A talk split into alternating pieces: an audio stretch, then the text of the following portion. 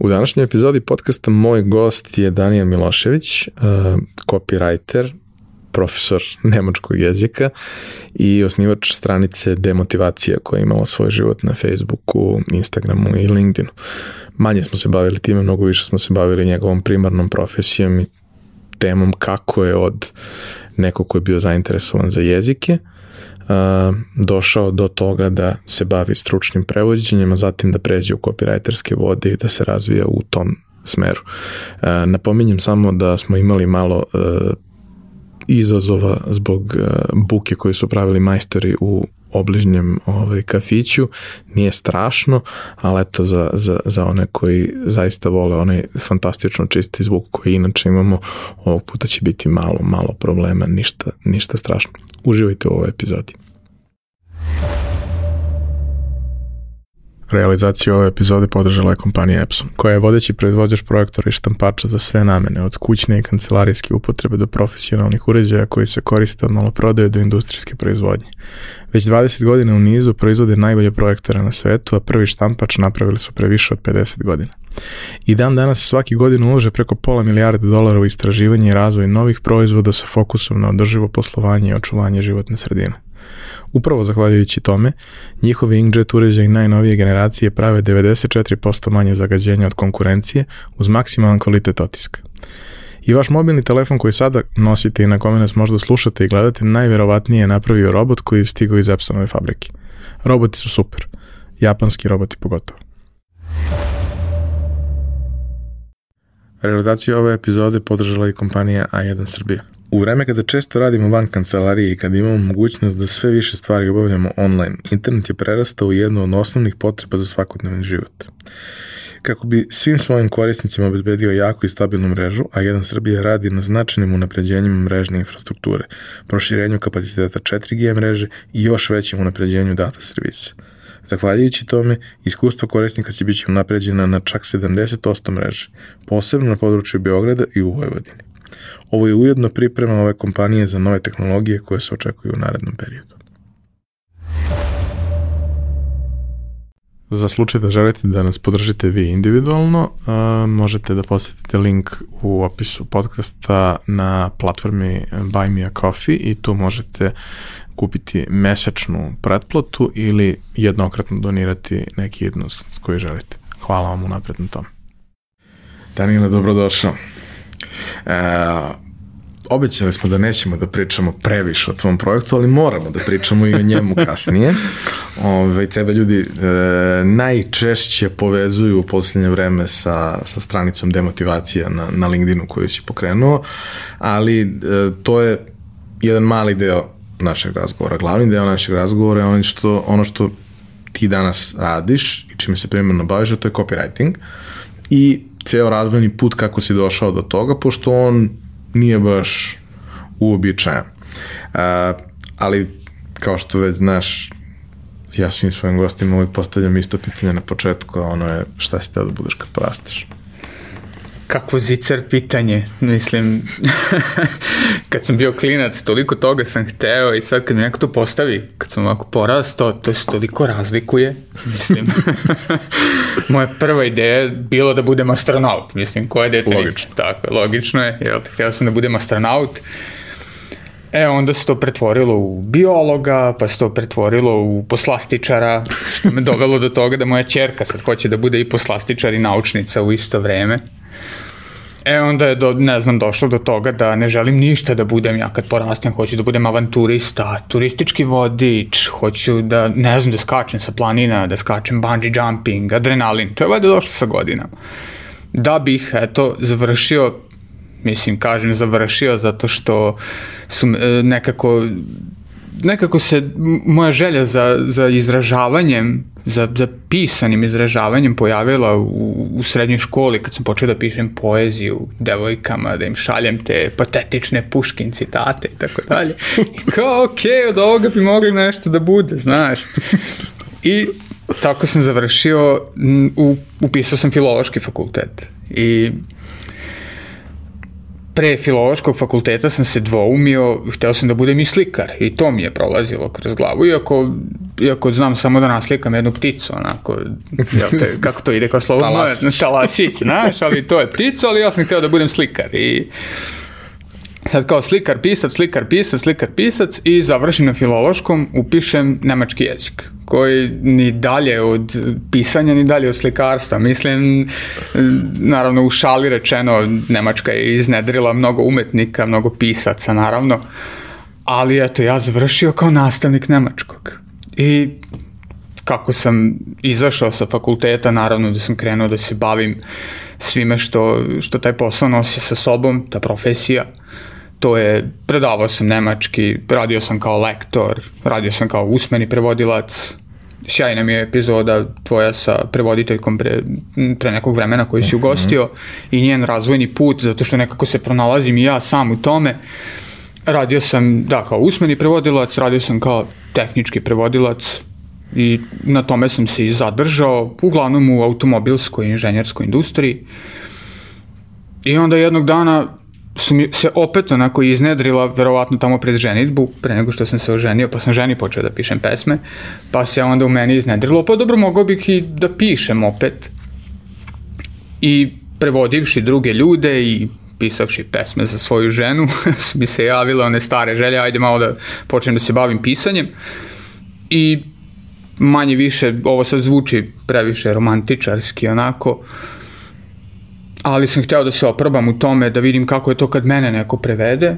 I meni se to prvi, drugi put, treći put dopalo, to je kao, kao u filmu, kad ti, kad ti daju malo droge čisto da se ne vučeš, e, tako sam i ja prodao prvi put nešto, prodao drugi put nešto pisanjem, oh, pa ja bih ovo... Pa ja bih radio i džabe. ja bih radio i džabe, znaš, i to je krenulo tako da vozi, I ja sam sve prestao, prestao sam da prevodim, da predajem i samo sam nastavio da pišem. Dobro, ali ja moram te vratim nekoliko koraka nazad. Vaši. A, obično na tom nekom kao razvojnom putu i putu kako se formiramo, imamo te različite faze. Svi smo hteli da budemo jedno, pa drugo, pa treće. Uvek mi je fascinantno kad mi neko kaže, pa ja nisam imao nikakvih želja da budem nešto. Čoveče, ja sam imao milion i jednu i sve su šizofrene sad kad pogledaš, ali u svakoj ima nešto što je na kraju ugrađeno u taj neki vrlo komplikovan puzzle koji je na kraju ispao.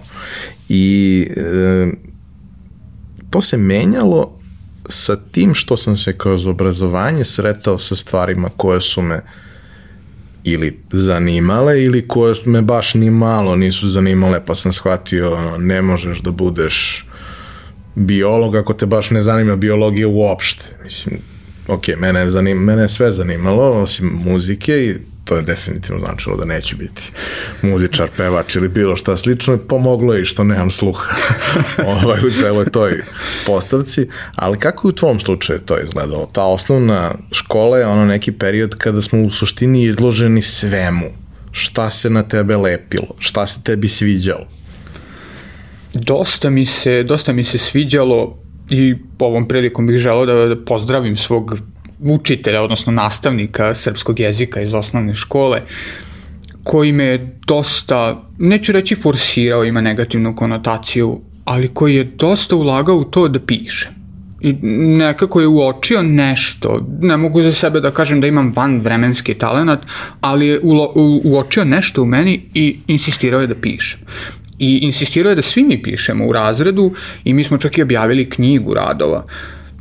Mislim da je to jedna stvarno lepa uspomena, ja sam iz malog grada Paraćina, nama tako nešto da mi klinci iz Paraćina izdamo knjigu je stvarno bila krupna stvar. I to se sa jedne strane lepilo. Sa druge strane, opet reći ću za sebe otvoreno, eto bio sam dosta radoznao, mnogo, mnogo toga me interesovalo, sećam se da sam imao, imao sam svesku ko, koja je bila kao moja naučnička sveska, mislim gde sam precrtavao, ne znam, DNK i tako dalje. I ja se pravio da tu ja radim kao svoja istraživanja. Moment koji je meni ostao od iz tog perioda života i svih tih stvari, ne znam, i takmičio sam se u, u raznim predmetima, bio sam od onih Vukovaca, jeste istraživanje, duboko istraživanje stvari. I to je sada nešto što mi je presudno u karijeri, da duboko istražujem stvari i fenomene o kojima pišem. Inače ne mogu da, ne mogu da se bavim njima, ne mogu da ih ispoljim, da ih iskomuniciram dobro ako o njima ne znam mnogo.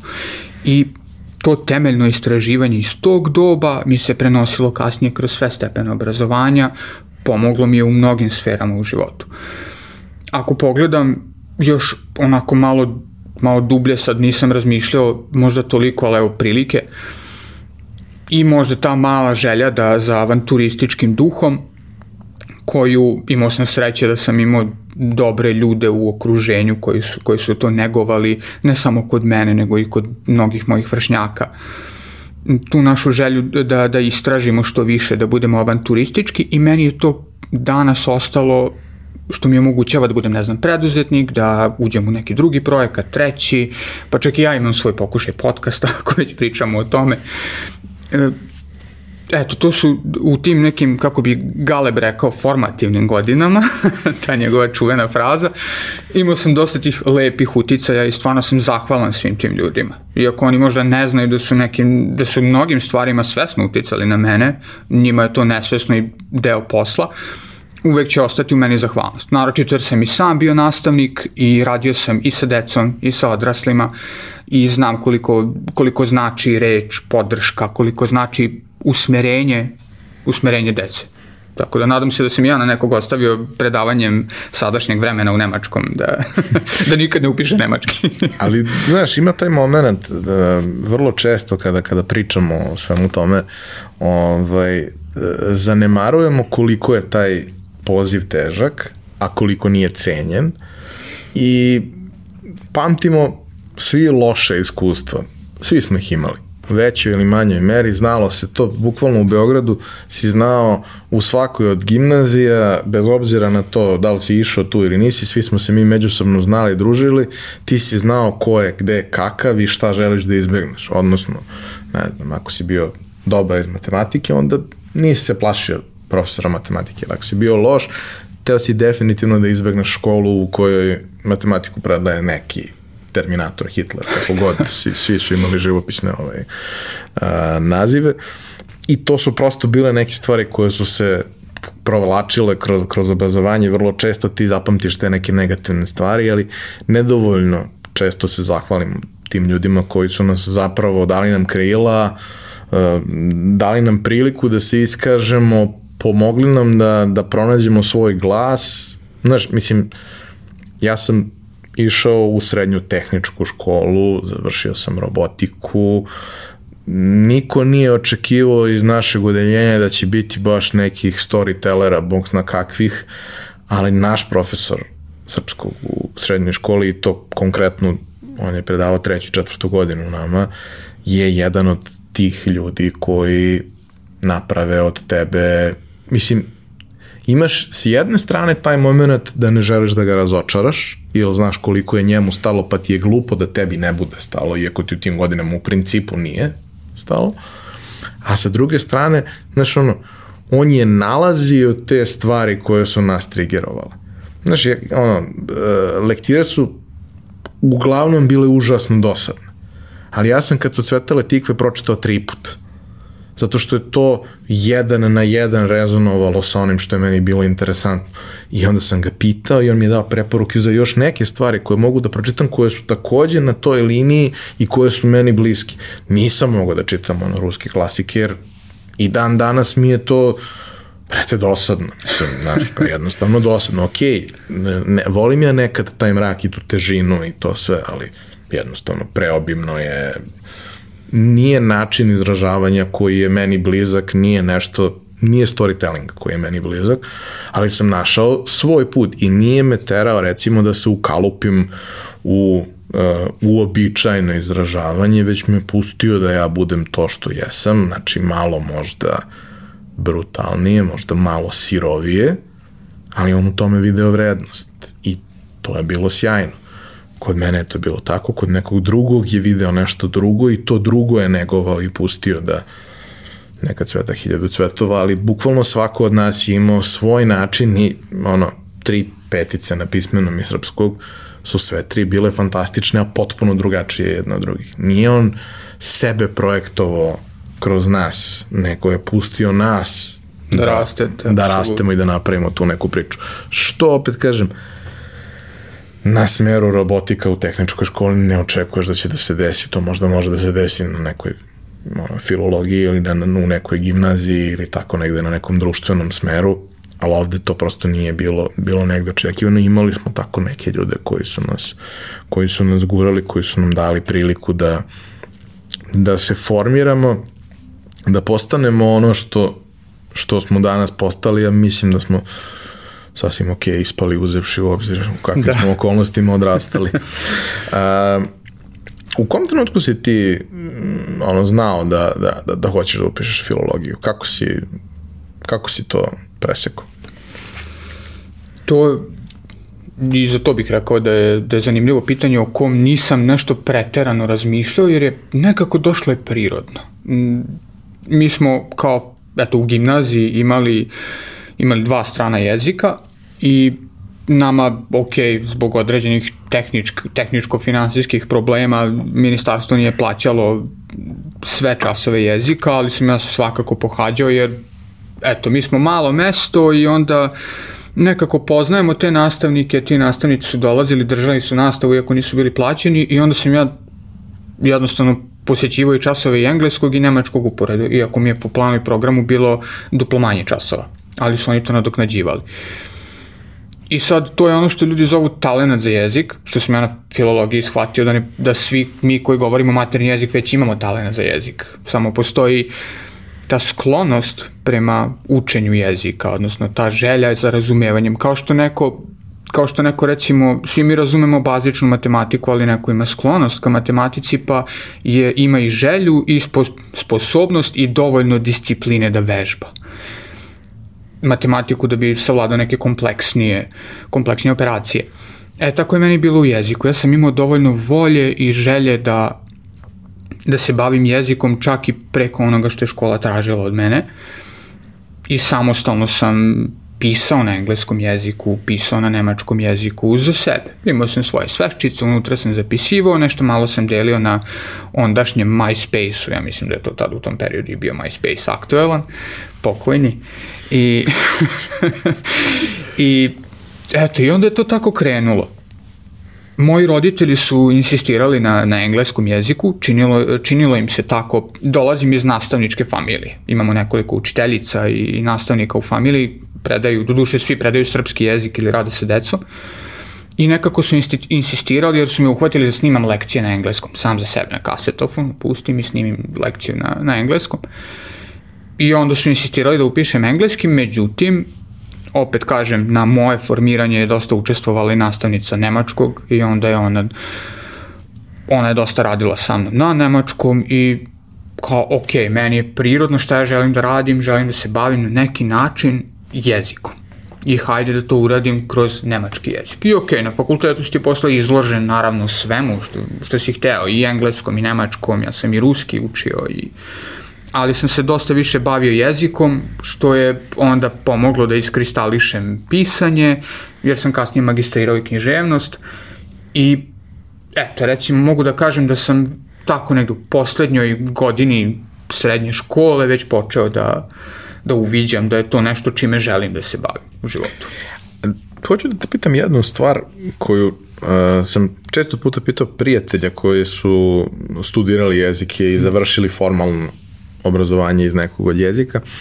Uh, ono, engleski jezik je prosto nešto što e, većina nas e, ima stalno oko sebe kroz razne medijume, ali ono, i, i dok nije bilo toliko interneta kao danas i on nije bio prožat kroz sve što radimo, ono, meni je išao BBC Prime u, u pozadini dok sedim za računarom, tako da sam da. non stop slušao taj jezik ili na Discovery ili na čemu god, ono, uh, bio sam stalno potopljen u njega i mi smo imali tu sreću da kod nas uh, su filmovi titlovani, a ne uh, prevođeni audio, tako da smo mi mogli da čujemo kako, čuju, kako zvuče glumci, mogli da vidimo sve te neke stvari. Sjećam se davno, ovaj, moja tadašnja devojka kad je došla kod nas, ona je rođena i ovaj, odrasla u Austriji, kada je došla kod nas, ona je prvi put čula kako zvuče ti glumci, jer jednostavno kod njih je sve sinhronizovano, sinhronizovano i jednostavno, koliko god sinhronizacije bile dobre, ako njih stvarno jesu bile dobre, ima onih zemalja u kojima jedan glas govori sve, to je strašno. ovaj, ili još, još strašniji Vidi, momenti. Terminator na mađarskom, to je, to je posebna priča. Kusturica na mađarskom. Beat that. Znači, ja sam slušao Kusturicu na mađarskom uh, na Balaton, na nekoj konferenciji, ono, posle mnogo svega i piva i ja sam u sobi kao dva ujutru palim Duna TV ide Kusturica Zavet na mađarskom. Kao, no. ok, nadrealno.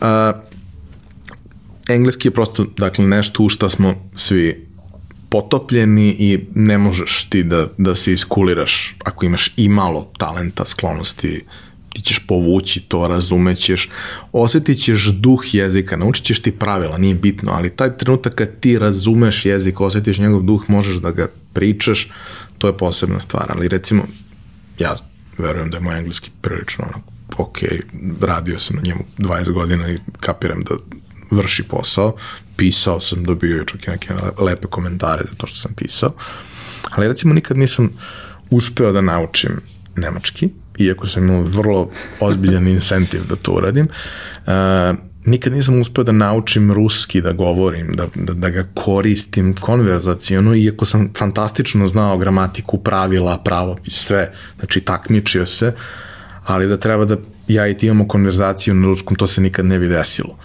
Uh, a zašto je to tako? Jesi ti imao neki ono, neko razmišljanje na tu temu? Jesam, jesam, zato što je to i prilično često pitanje đaka za, koji, koji uče jezik. Zašto ne mogu, ne znam, da, da, da progovore neki jezik prirodno ili tako dalje. Ono što je vrlo bitno kod učenja bilo kog jezika, bilo to uz asistenciju nekog nastavnika, bilo to u grupi, bilo to samostalno, nije samo uranjanje u jezik, jer razumećemo mi jezik, pokupit ćemo, ali to se zove pasivno znanje. Znači, to je pasivno znanje i ono obuhvata razumevanje jezika. Prepoznavanje. Prepoznavanje, tako je. Na fakultetu, recimo, ili u bilo kojoj školi stranih jezika postoji ocenjivanje aktivnih i pasivnih veština. I uvek je neki cilj, idealni jeste da izjednačimo aktivno sa pasivnim, ali je uvek pasivno znanje veće od aktivnog, čak i u maternim jeziku. Postoji mnogo reči koje sad da otvorimo, ne znam, prevod Dostojevskog, ako već pričamo o Rusima, postoji mnogo reči koje mi aktivno ne bismo iskoristili u jeziku. Ne bi nam pale na pamet kao prvi izbor i to možemo da nazovemo kao pasivno znanje. Znamo šta one znače, znamo šta predstavljaju u tom kontekstu, ali već u aktivnom govoru je to nešto drugo. Tako i sa stranim jezikom. Ali dobro rešenje jeste i pravo rešenje što možda treba dovesti malo i u osnovne škole i u srednje škole, da deca ne bi zamrzela jezik, jer kad kažu srednja škola i strani jezik, stavi se odmah znak jednakosti između ja, sedimo, učimo gramatiku i nikad nećemo progovoriti. Ne, nepravilni glagoli, nepravilni vremena. Glagoli, perfekt i mislim, svaki put kad bih ušao u učionicu, to je svaki pogled tih djaka, djaka je bio. Radio sam i u državnoj školi i u privatnim školama i onda govorim da je obostran, ne postoji razlika. Samo te gledaju i kažu da li ću ja morati taj perfekat na nemačkom da učim. I tu dolazi nešto što, opet kažem, pomislit će neko da sad promovišem naše, naš edukativni sistem, mislim da on ima mnogo prostora za unapređenje. Ali sam takođe zahvalan, eto, katedri koja mi je prenela neke nastavničke veštine, bitno je da se jezik koristi na bilo koji način i ako se jezik koristi, tako ga, tako ga usvajamo i tako se širi vokabular. Recimo, ja nisam progovorio nemački do četvrte godine fakulteta i to kažem baš onako otvoreno, jer ljudi, ok, mi počnemo da držimo časove već od prve, druge godine fakulteta. Već smo na nekom nivou gramatike da to možemo da radimo. Međutim, u četvrtoj godini fakulteta sam dobio stipendiju i otišao sam u, u Beč, tamo sam studirao na Institutu za prevodilačke nauke. Kada si četiri meseca okružen samo ljudima koji iako izbegavaš naravno sve naše To je u Beču veliki problem. Veliki okay. problem, ali da, trudio sam se, stvarno sam se trudio i baš je teško. Ali ako učite nemački, evo ovo je direktni savet, samo se sklonite, mislim, ne, družite se sa našima jednom nedeljno, šest dana u nedelji provedite sa maternim govornicima nemačkog. I to je stvarno jedan od, e, na, u stvari, najmoćniji način da se nauči jezik mnogi pristupe, i to je neki stariji, to on se koristio recimo tokom perioda komunizma, dosta, odnosno tokom cijelog 20. veka, taj prevodni metod, gde ljudi uzmi, prevode tekst i tako usvajaju jezik. Ali to se i dalje završava na pasivnom znanju. Znači, pisati i govoriti jezik je aktivno znanje i tako se progovara. Kad se prelome te prve barijere, taj prvi put gde sam sebi zvučiš smešno, recimo, ja sam prošle godine, dakle ja pišem na engleskom, radim sa ljudima iz inostranstva, isto komuniciram na engleskom, pregovaram na engleskom i opet sam, to mi je nekako tu usađeno, upisao razgovorne kurseve engleskog. I gde sam radio sa maternim govornikom koji ne zna ni reč srpskog, mi smo pisali, komunicirali, govorili na engleskom i tu sam tek video kao rupe u fasadi ok, ja, ja bih ovo znao da prepoznam, da pročitam, ali da li bih ja nekad iskomunicirao tako? Ne.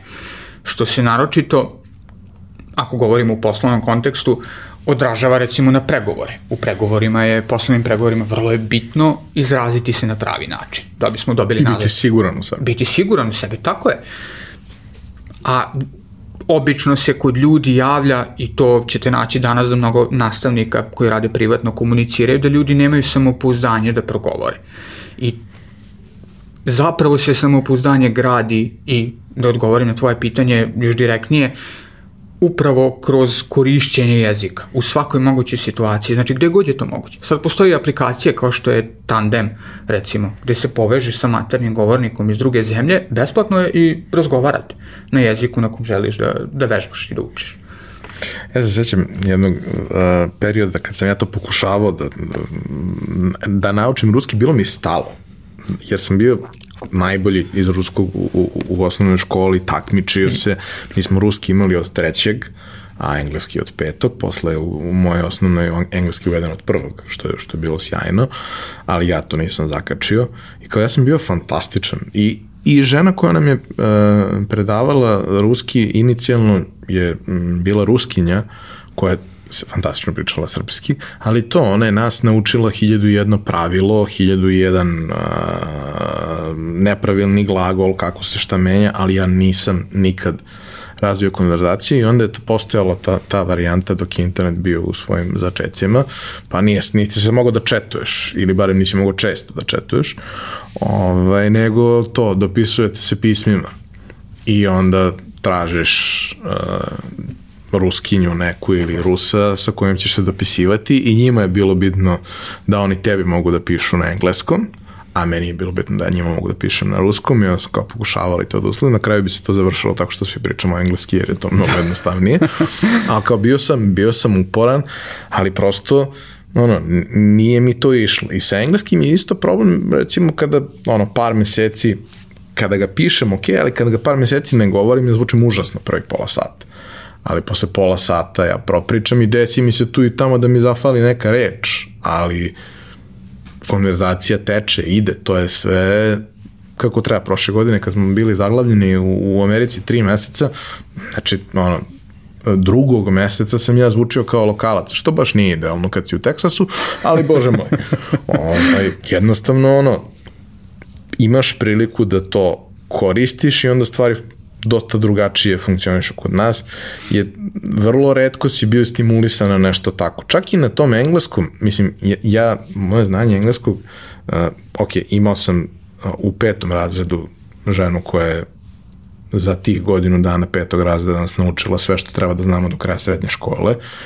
Bila je malo ambicioznija po pitanju ovaj, engleskog i ona je vrlo uticala na to sve, ali ja ga nikad ne bih pričao da ga nisam toliko slušao i da nisam imao toliko šansu da, da, da ga i iskoristim na neki način.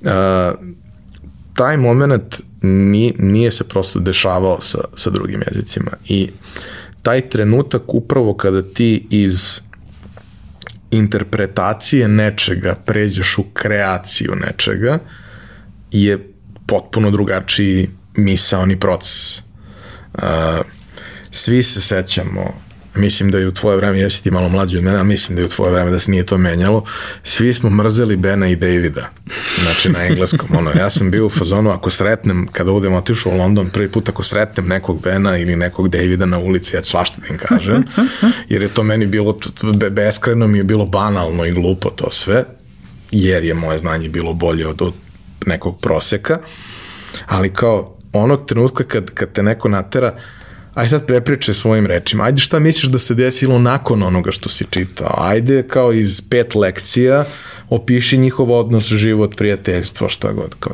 taj trenutak je meni bio wow i tačno se znalo, mislim, znali su to i profesori, znali smo to i mi učenici, ko to može da uradi u razredu, ko ne može. Ko jednostavno može da odgovara za dobit će i pet, nije bitno, zato što za pet treba da znaš to što treba da znaš u lekciji, ali sa kim možeš da imaš neku malo, malo napredniju konverzaciju. I mislim da je to onako bilo, bilo, bilo interesantno vrlo. Kakav si bio nastavnik? mislim, to treba pitan tvoj učenik, Tako ali je. kako tebi izgleda? Meni izgleda da sam bio okej. Okay. Eto, volim da kažem da sam bio okej. Okay. Bilo je tu dosta prostora, to sad vidim kako se nekoliko godina ne bavim nastavom, sad već ima šest godina kako nisam ušao u učionicu, ali onako kako se sećam, ok, postoji tu dosta prostora za, za unapređenje toga, ali dosta sam primenjivao stvari baš onako školski, šta su me učili, kako su mi pokazivali da je dobra praksa. Imao sam tu sreću da sam odradio svoj staž u filološkoj gimnaziji i tu bih se nadovezao na tvoj primer. Recimo, sad ti si govorio da ti je falilo i da, da si volao te momente kad možeš da pričaš o lekcijama. I ja ulazim u odeljenje filološke gimnazije 15 dece. I meni niko ne govori da, da je to specijalno odeljenje, super talentovana deca koja rade, koja drže nastavu na nemačkom. I ja ulazim na svoj prvi čas od 40 i počinjem na srpskom i mentor me bocka u rebra nemački. Ovde deca pričaju nemački. I ja sam održao 40 časova na nemačkom i održao i svoj ispit na nemačkom i tako dalje. I taj, e, to je, to je bilo presutno za mene i kad sam radio kasnije i u privatnim školama, to je nešto što privatne škole recimo rade drugačije od naših standardnih škola, državnih. U privatnim školama se dosta akcenat stavlja na komunikaciju, na, na direktnu konverzaciju. Tako da i meni to pomoglo i mislim da je to pomoglo mnogim mojim đacima, budući da mnogi od njih sad trenutno rade u Nemačkoj i uspešno komuniciraju tamo, što je meni najveći dokaz uspeha. Eto, mislim da sam bio okej. Okay. Moram da te pitam isto jedno od onih klasičnih pitanja koje pitam sve svoje ovaj, goste. Šta ti je bio prvi posao?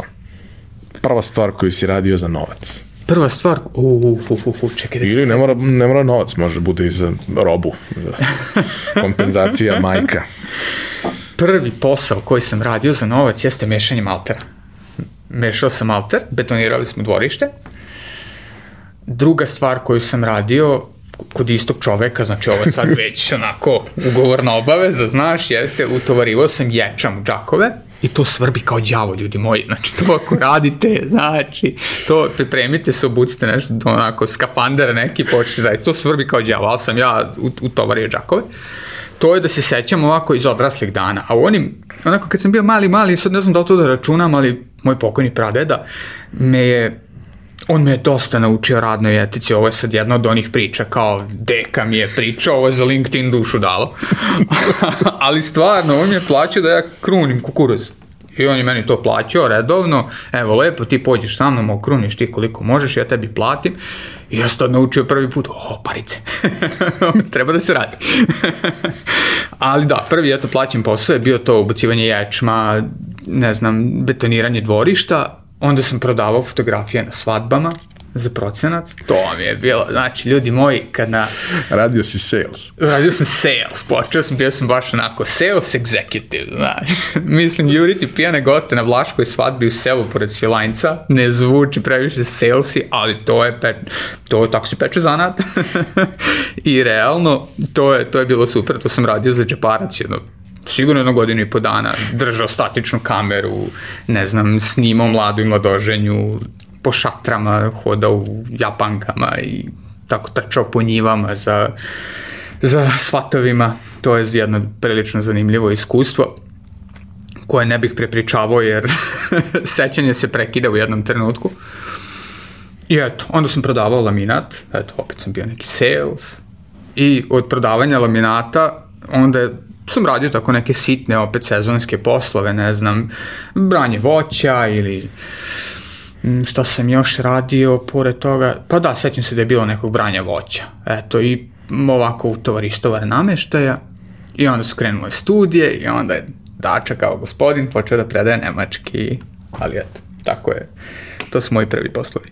Dobro, dobro, dobro. Znači, ima veze, svako od tih iskustava ti je donelo nešto, što, je, što je vrlo, vrlo važno. I, mislim, često ono, često kad pričam sa, sa ljudima, ti neki momenti koji ljudima deluju banalno. Znaš, kao to, do, kao preda, prodavao fotografije na, na, na svadbi.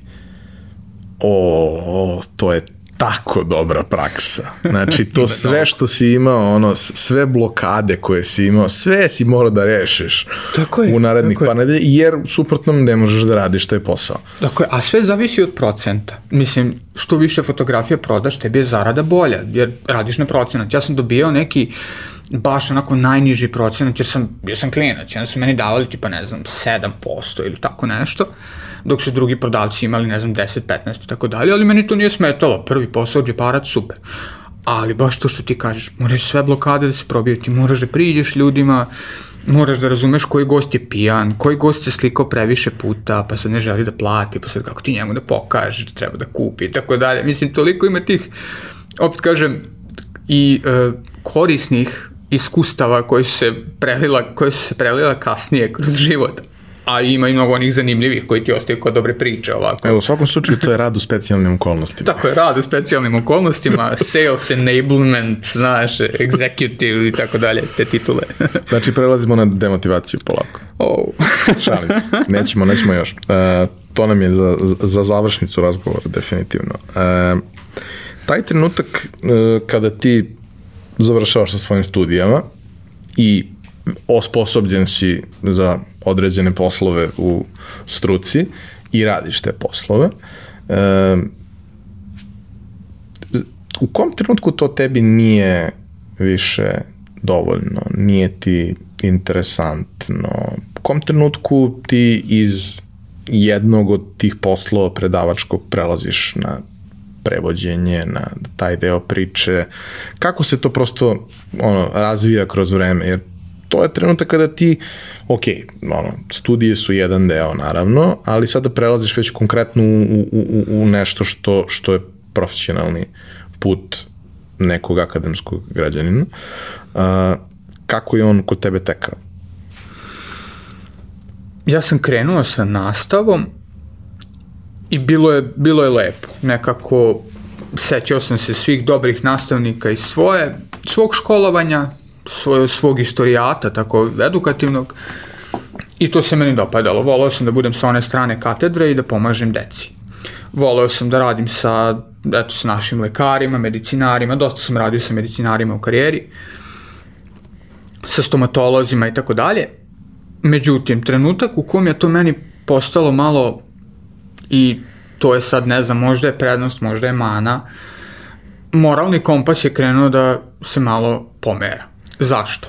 Zato što u državnoj školi, ajde da sad ovo ne pretvorimo u političku epizodu podcasta, posao u državnoj školi je malo teže dobiti, a i nije baš san svakog nastavnika, bit ću iskren. Kada je u pitanju rad u privatnoj školi, ne postoje ugovori, barem tada nisu postojali ugovori o radu na stalno, već autorski ugovori ili čak rad na crno. I to se meni nije dopadalo, Bi, m, bit ću najiskreniji. Posle nekog vremena, ja sam relativno mlad dobio decu, mislim još uvek računam da sam mlad, ali sam tad baš bio onako junoša. I meni je trebalo nešto da mi da neku stabilnost, da, da imam neki radni, stabilni radni odnos, što u privatnim školama u tom trenutku u Beogradu nije bilo nije bilo moguće. Jednostavno svi smo bili na nekim mini ugovorima, na ugovorima o autorskom delu, zavisio si od broja polaznika, od toga kako škola sebe oglašava. I ono gde je kap prelila čašu jeste kad sam ispratio stotog lekara u Nemačku. I onda sam pomislio, ok, meni je žao što ovi ljudi odlaze odavde, ja ne, na neki način nisam želeo da učestvujem tada u tome. Ja sam kasnije kroz godine promenio stav o tome, verujući negde da će oni vratiti kapital u vidu znanja u ovu zemlju, nadam se, ali ja nisam hteo da učestvujem u tome i onako poslednje, poslednje, ja sam ostao da, nastavio da radim sa decom, onda sam doživeo da mi se nekoliko deteta požalilo da, da ih roditelji pritiskaju da rade na jeziku, da uče nemački, da oni to ne žele. Bilo je deca koje su pokušavalo da me podmite. Kao, ajde, molim te, platit ću ti duplo čas, samo ti mene pusti da igram igrice, kaži tati da smo mi radili nemački. Mislim, to je, dešavalo se i to. I namerno pričam o tome ovako otvoreno, jer nisam imao prilike zapravo da kažem nekome ovako otvoreno to. Volao bih da se, da ako moja rečenica ovo može da dopre do, do nekog dela ljudi, da se ne, ne vrši pritisak na decu, jer oni posle to, posle oni nas nastavnike ni u školi ne vole, a kamoli, kamoli drugačije. I to su momenti koje su mene gurnuli iz profesije, nedostatak neke standardizacije i nedostatak e, opšteg društvenog poštovanja prema nastavničkoj profesiji. I onda dođe moment da li je to ne znam, mislim, nisam osjećao dovoljno, dovoljno velik, veliku žar da, da se borim protiv vetrenjača, da ostanem nastavnik i da onda pokušavam nešto, tad nije bilo možda ni toliko medija, ja nisam imao dovoljno kompetencija i znanja da iznesem to, znači faktora ima mnogo, ali sam tu odlučio, ok, hajde da se bavim nekom drugom oblašću, ali to nije bilo nasumice, ja sam se uporedo sa uh, pozivom za nastavnika, uporado sam se školovao za prevodioca. Imali smo na, eto, katedra za germanistiku je u tom trenutku jedina u zemlji imala dve godine stručnog prevođenja i bio sam kao stipendista, već sam spomenuo u Beču na institutu za prevodilačke nauke i onda sam imao već stabilno, čvrsto i teoretsko i praktično znanje. I onda sam počeo da prevodim, onda sam ušao i usmeno prevođenje, prevodio sam u stomatološkim ordinacijama, bio sam ta spona između pacijenta i pacijenta iz inostranstva i naših, naših stomatologa i završio u radu sa, sa tehničkim licima i to je nešto što me je dosta dugo držalo jer je postojao proces, standardizacija, postojao je neki tok kako se stvari rade. I... Ja mogu da zamislim kako je lepo prevoditi njemačku tehničku dokumentaciju. Ako je nešto precizno. Ako je nešto precizno, to je, evo, za, evo poslastica za sve ljude koji slušaju, Nemačka ima 17 reči za šraf. Oni razlikuju 17 vrsta šrafova i ne smeš ni jednom da napišeš šraf. Uvijek je to nešto drugo. I to je bilo, to, to je bilo papreno, ali ok, mislim, valjda, valjda to je neki urođeni, urođeni mazohizam, znaš, u meni. A imali smo izreku na, na studijama, Nemački je pametniji od tebe i on hoće da ti znaš da je on pametniji od tebe. Znaš, onda kao ko se bavi prevođenjem tehničke dokumentacije sa nemačkog, to je baš voli da neko bude pametniji od njega neprestano, znaš. Tako da, eto, to je, tako sam skočio iz nastavničkog u prevodilački posao i dok sam se bavio prevođenjem, onda sam uporedo radio i kao lektor za pojedine firme i tako sam i otvorio svoju prvu firmu, odnosno svoju prevodilačku agenciju. A u kom trenutku te je povuklo da iz prevođenja i interpretacije tuđeg uh, pisanja probaš ipak nešto da pišeš sam? To, evo sad nastala je, nastala je tišina, ova tišina je više, pokušavam da izvučem neki sočni detalj. U načelu, ja sam dosta pisao sa strane za sebe. To je malo šta je ugledalo svetlo dana, slao sam neku poeziju beogradskim lokalnim pesnicima koji su to čerečili, druže moj, znači, kad ti vrate feedback, kad ti ne padne ti na pamet više pesmu da napišeš u životu. I ja sad to kad čitam i meni je smešno, ali sam baš dobio onako oštre feedbacke, ali dobro, kako da kažem, i vremenom kad sam ja postao lektor, onda je i meni bilo simpatično kad ja dobijem tekst, pa sad ću ja vama da vratim, pa se to nauči vremenom da se izbalansira. Naučiš kako je i sa druge strane stola kad dobiješ sve i svašta. I dosta sam ja ok pisao, sad govorimo o umetničkom pisanju, o tom književnom dosta sam ja pisao sa strane, međutim, nikako da nađem prostora, znaš, da pišem. Uvek ti tu postoji e, okolina koja ti govori, bavi se ti stabilnim poslom, znaš, vidi ove književnike kako oni žive, nije to baš onako idealno. Međutim, tinja to u tebi. Jednostavno, tinja, osjetiš potrebu za nečim i to traži način da se ispolji. I onda sam kao prevodilac počeo da dobijem marketinške projekte. Šta to znači? Prevedi, lokalizuj kampanju, lokalizuj website, lokalizuj prodajnu stranicu, lokalizuj oglas. I onda je mene počelo da kopka, ok, ko piše ovo što ja prevodim? Jer mi smo u prevođenju, prevođenje marketinške dokumentacije zvali transkreacija, odnosno translation plus creative writing, odnosno prevođenje plus kreativno pisanje. Jer ne možeš jedan kroz jedan da prevedeš kampanju, što, mislim, mnogo je gafova bilo baš zbog toga, zbog tih bukvalnih prevoda kampanja. Kao što je, ajde da ne imenujem, proizvođača automobila koji je koji nije lokalizovao kampanju, pa je otišlo naziv automobila puta u, u Španiju i onda nije mm. bilo uopšte dobro. Uh, mislim, reakcija na tržištu je bila prilično interesantna. I onda mene interesovalo ko to piše, ko stvara te kampanje, ko, kako sad neko tamo sedne sa druge strane i se to napiše. I onda sam ja tako malo pitao firmice sa kojima radim, pa da, da, to kod nas rade copywriteri. Pa, često copywriteri. Sad meni je to, kao što dosta ljudi pomeša, kao copyright, autorsko pravo, autorska prava i sad odjedan postoje neki copywriteri, odnosno copywriteri takođe. Krenuo da istražujem i probao da napišem dva, tri oglasa samostalno, upisao kurs i onda je to krenulo dalje svojim tokom kad sam napisao, kad sam prodao prvi put nešto svojim pisanjem, tad sam rekao sebi, ok, u budući će mene neko prevoditi. ja želim da prodajem i tako se vratilo sve ono. Prodaja slika sa vlaške svadbe i eto, poveži sa pisanjem. Šta ti je donao kurs? Kurs, kurs mi je doneo, donao mi je osnove. Donao mi je osnove i jedan okvir u kom se kreće copywriter zato što ono što je dostupno, ok, što je sada dostupno broj informacija, količina informacija se eksponencijalno uvećava i sad ljudi mogu da dobiju mnogo informacija o tome šta je copywriter. Što recimo pre, m, evo slobodno ću reći, ja, ja se bavim copywritingom pet i po šest godina, uh, kad sam krenuo da se informišem o tome, pa na Upworku je recimo tada bilo, ja ne znam, ispod hiljadu copywritera. Naprimjer, sad ih ima 17.000. Mislim, koliko, to, koliko sad to raste, koliko dobije na popularnosti, što više ljudi shvataju bitnost komunikacije, jasne komunikacije.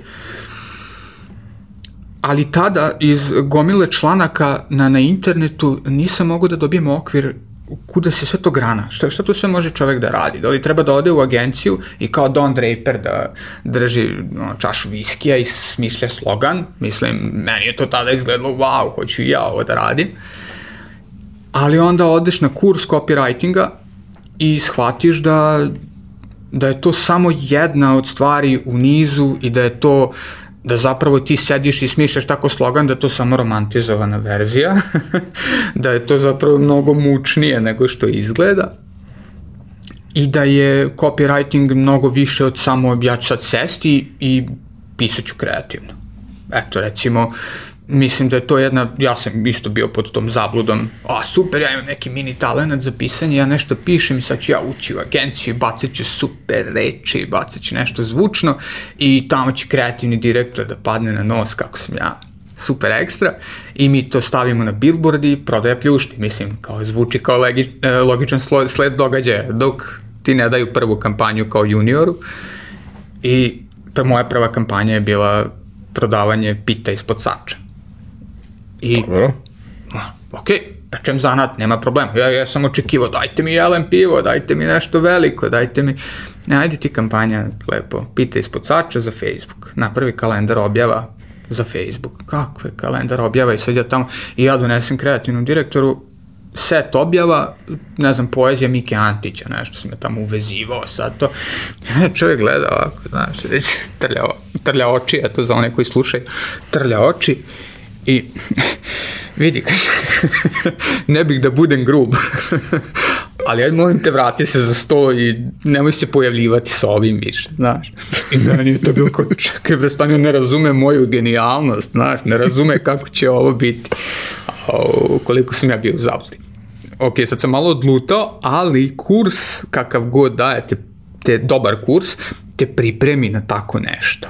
Pripremite da pripremite da postoji feedback, da postoji mnogo ljudi koji odlučuju u tom jednom procesu. Da nije samo jedan egocentrični centar univerzuma, copywriter koji iako mi volimo to da radimo, ali da. Ja, mislim da, da ono, jedan od najvećih problema i najvi, najveća barijera za većinu ljudi koja ima neki talent i smisla za nešto, za nešto je da kada radiš za sebe, za svoju dušu, ok, je da što ti klijent.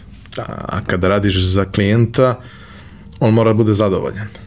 I vrlo često ono što je zanatski dobro, ono što je uh, možda i dobro za klijenta, on ne doživljava na taj način.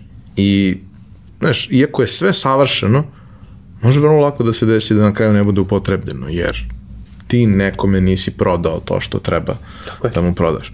Sad ti možeš da kažeš nije moj posao da prodam. Možeš, ali onda nećeš prodati ono što do čega ti je stalo.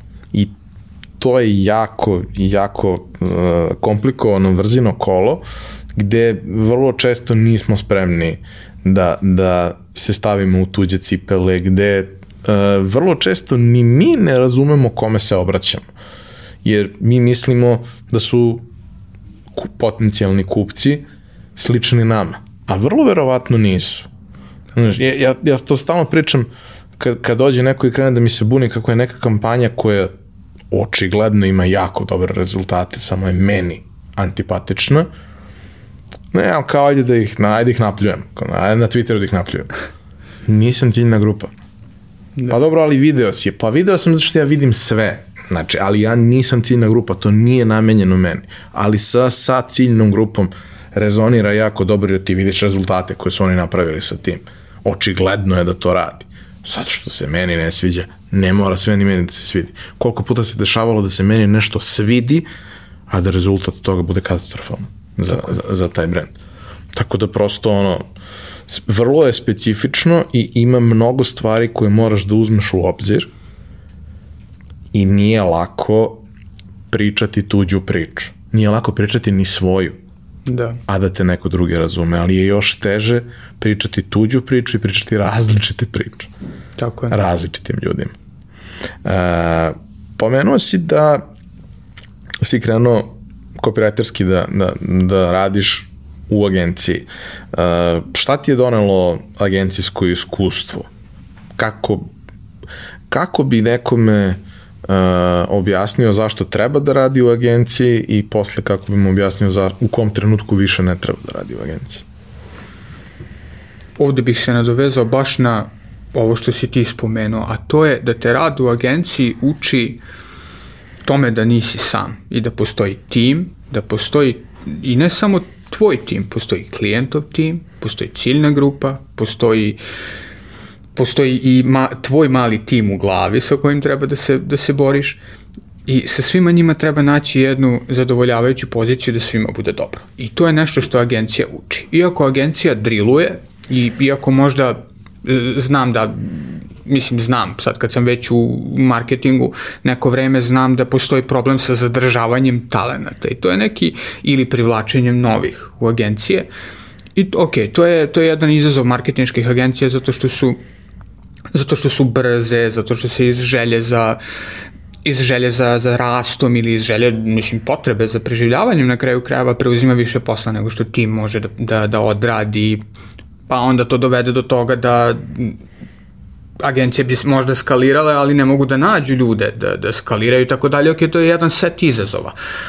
Ali te agencija uči da budeš hobotnica. Učite da, da, da razviješ svoje pipke. Ok, ti jesi došao ovde kao copywriter, ali vidi ovako, treba da se ide na sastanak sa klijentom ili e, treba da se predstavi klijentu rešenje ili treba da izađeš ispred tima i da shvatiš da i oni imaju svoje ideje i da njihova mišljenja su isto jednako validna kao i tvoje i da moraš da braniš svoje ideje, da moraš da staneš iza njih i da moraš da razumeš da nekad su tvoje ideje odlične, a nekad tvoje ideje imaju i rupe i da moraš i na to da budeš spreman, jer šta kreativcu najteže padne? Najteže mu padne kad ima ideju za koju misli da je briljantna, ali niko ne, ne, ne popije to. Jednostavno, svima, svima to zvuči bez veze, niko to neće. Ili kad prođe sve slojeve i uđe na tržište i na, na tržištu isto propadne ili bilo gde. Tako da to je moment agencije, ja savjetovao, savjetovao bih mladim ljudima koji su puni energije ili koji su puni elana i oni koji žele brzo da nauče, da uđu u tokove, jer ni, nijedan kurs na ovom svetu ne može čoveka da pripremi na sve što, što ga čeka u agencijskom radu. Jer agencijski rad nije samo izolovana disciplina. Evo recimo, spomenut ću, ne znam, Žišku. Oni sad imaju ovaj slash fazon, gde jasno komuniciraju da svako od njih u agenciji ima više zaduženja i na više strana se specijalizuje, više strana radi. I to je nešto što je i meni agencija dala taj, taj pregled. Da sam odmah krenuo da radim samostalno, ja ne bih imao taj pregled. Ali zato što jesam imao, zato što sam gledao, ne znam, vlasnike agencija, menadžere, projektne menadžere, kako account menadžere, kako razgovaraju sa klijentima, kako se uspostavlja neki balans između uh, tima koji ima jednu viziju, klijenta koji želi nešto da kaže, ali ne zna kako to da ispolji, pa tumačenje njegovih zahteva, pa pronalaženje zajedničkog jezika. Meni je to kasnije kad sam se osamostalio mnogo pomoglo da razumem. Zašto se treba osamostaliti? To je sad već pipava tema, ali zato što trenutno, trenutno stanje, ja nemam pregled svih agencija u Srbiji, ali ono gde, gde imam pregled su manje agencije. Manje ili agencije srednje veličine, mada najviše imamo tih malih mm, reklo bi se u šali koliko Srpčića, toliko agencija. Jeste. imamo, mnogo, imamo mnogo tih malih agencija. Jeste, bukvalno što ti možeš taj tempo, pre, bukvalno pregorevanje da izdržiš određeno vreme ali ako želiš da napreduješ i da duboko radiš i duboko radiš u svojoj specijalizaciji, onda ili je jedan način, jedan način je prelazak u veliku agenciju koja ima baš departman za, za ne znam, ima departman kreative gde 10 ljudi radi i samo izbacuje kreativne ideje i radi na njima. Prelazak, za, prelazak u brand koji ok, možda nema copywritersku poziciju, ali ok, ima brand menadžera ili marketing menadžera ili sad već zavisi ko kako voli da se orijentiše ili da se radi samostalno gde možeš da postaviš svoj proces i da ljudima pružaš segment usluge koje im treba. Pomiriš se sa tim da ne možeš sve da im pružiš i da si samo jedan segment tu, mislim i tu postoji, recimo firma te angažuje da budeš copywriter, ali imaju marketinšku agenciju. Pa sad tu opet nastupi, nastupe te meke veštine komunikacije. Ako možete marketing menadžeru samo da kažete da sam ja to uradio zbog toga i toga, pa da nas spojite, da mi porazgovaramo i tako dalje. Tako da, ko želi baš, baš, baš da se specializuje i da radi duboko u svom domenu, treba da se osamostali. Zaista stojim iza toga, budući da sam probao obe strane. E sad, ko voli ko voli tu dinamiku i širinu rada u smislu da, da će uvek raditi više stvari odjednom, eto, može da, da radi sa manjim agencijama i da skoči u veliku agenciju, ali ako želi da napreduje u, baš u kreativnom smislu da radi velike kreativne kampanje, mislim da je tu dobra, dobra dobro usmerenje da uskoči u veliku agenciju i da, da u njoj se usmerava dalje. Mislim da je to... Generalno, ja, ja bih se potpuno složio sa tobom i mislim da taj drill koji dobiješ jako važan i ta m, mm, praksa koju ti za godinu dana rada radiš na toliko različitih stvari da si ti nakon toga potpuno transformisana ličnost. I što je vrlo važno, znaš šta želiš, znaš šta ne želiš, ali ono što, što ja, čemu ja dajem poseban značaj, znaš šta je čiji posao, kako funkcioniše sistem i prosto ti si kao profesionalac mnogo bolje i bolje orijentisan. Inače, ljudi koji slušaju sada verovatno čuju kako neko u našem komšiluku koristi brusilicu. Ovaj, to, eto, to mi je donelo moje formalno obrazovanje, znam da je ovo brusilica, mogu, mogu da prepoznam.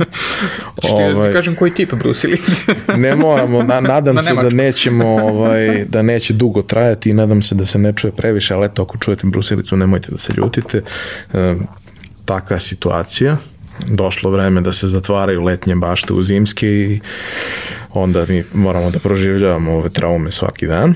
A, Dakle, ta, to iskustvo uh, agencije ti daje tu neku širinu, daje ti neka vrlo uh, opipljiva znanje i iskustva, neku praksu i omogućiti da kažeš e, ja ovo, ovo me baš loži, ovo hoću da radim, ovo baš ja baš i ne bi ako ne moram, a nekad ću možda da moram, ali bi da biram da manje moram ovo nešto drugo da radim.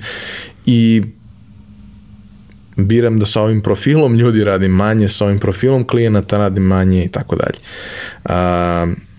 Kako si ti pre, prezupčio da pređeš u samostalni rad? Prezupčio sam, prezupčio sam nakon, nakon pa, hajde, pokušavam sad da nađem neki tačni trenutak, ali tu je bilo više faktora i jedan od, od tih jeste baš taj koji si spomenuo, a to je tip ljudi sa kojima želim da radim i tip stvari koje želim da radim. Eto, ba, baš to.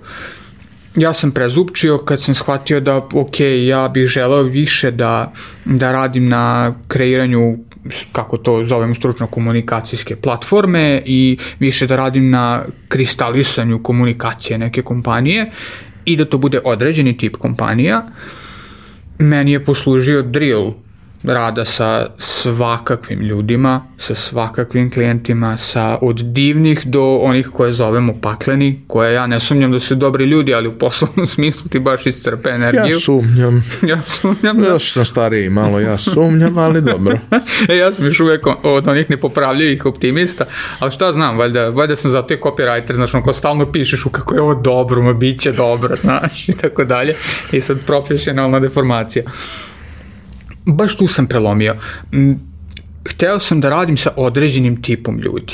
Hteo sam da, da, da pokrivam određene branše i da u njima isto radim sa određenim tipom ljudi kojima stvarno treba usluga copywritera u agenciji, neka me neko slobodno ispravi kasnije dole u komentarima na, ispod ove epizode ako grešim, ali u agencijama često copywriter recimo ako, ako i piše na nečemu krupnom to je možda, možda 60% posla ostalo je, ne znam, napravi prezentaciju, sad ti sediš i praviš prezentaciju, ali je mincaš tako da svima bude dobra, pa ajde podesi, ne znam, automatizuj objave za klijenta na svim društvenim mrežama. I ti to radiš onda 8 sati, a piše ti se prsti ti gore onda ne znam, idemo na pitch ili ajde sad svi, svi sedimo i ok, ajde, ja sam volao te strateške sesije gde sedimo i sad brainstormujemo šta sve može da se uradi. Ali postoje delovi posla koje posle nekog vremena ne želiš više to da radiš. Jednostavno umarate, troši neki kreativni potencijal koji možeš da iskoristiš za ne znam, za neku kampanju ili možeš da iskoristiš za, za neku poslovnu ideju i, i, i tako dalje.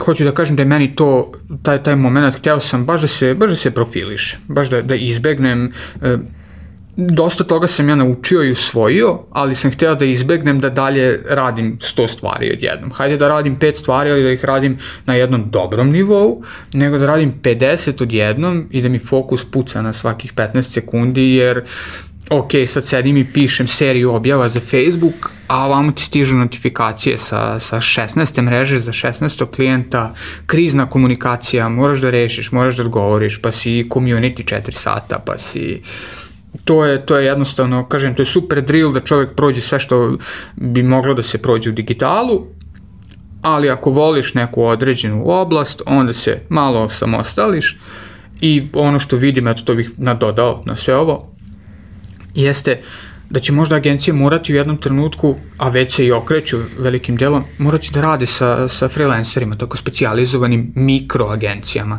odnosno mikroprofesionalcima za određene oblasti jer ajde sad mogu da govorim o copywriterima, ali i o dizajnerima, o developerima i tako dalje. Sve više se odlučuju da te delove, na primjer, izvuku iz agencije da bi, da bi dobili ne, neki jači efekt. Pa zato što ti realno kao agencija ne možeš da iskoristiš uh, pun potencijal osobe koja je zaposlena na tome. Ti možeš da iskoristiš 30, 40, 50, 60%. Ako je 60%, tebi se verovatno isplati da zaposliš tu osobu. Ali ako je 20%, ne isplati se. Ako ti treba developer, ne može jedan developer da ti pokrije sve ono što Tako ti treba. Ako ti treba dizajner, takođe, verovatno jedna osoba ne može sve različite stilove i sve različite klijente da pokrije na pravi način. Ako u pitanju, ono, kad kažem dizajner, ljudi pod dizajner potpa, ubacuju i ilustratore i ljude koji rade grafiku i ljude koji radi web i UX i sve ostalo. Možeš ti da imaš neko ko je svaštar, ali to nije dovoljno dobro.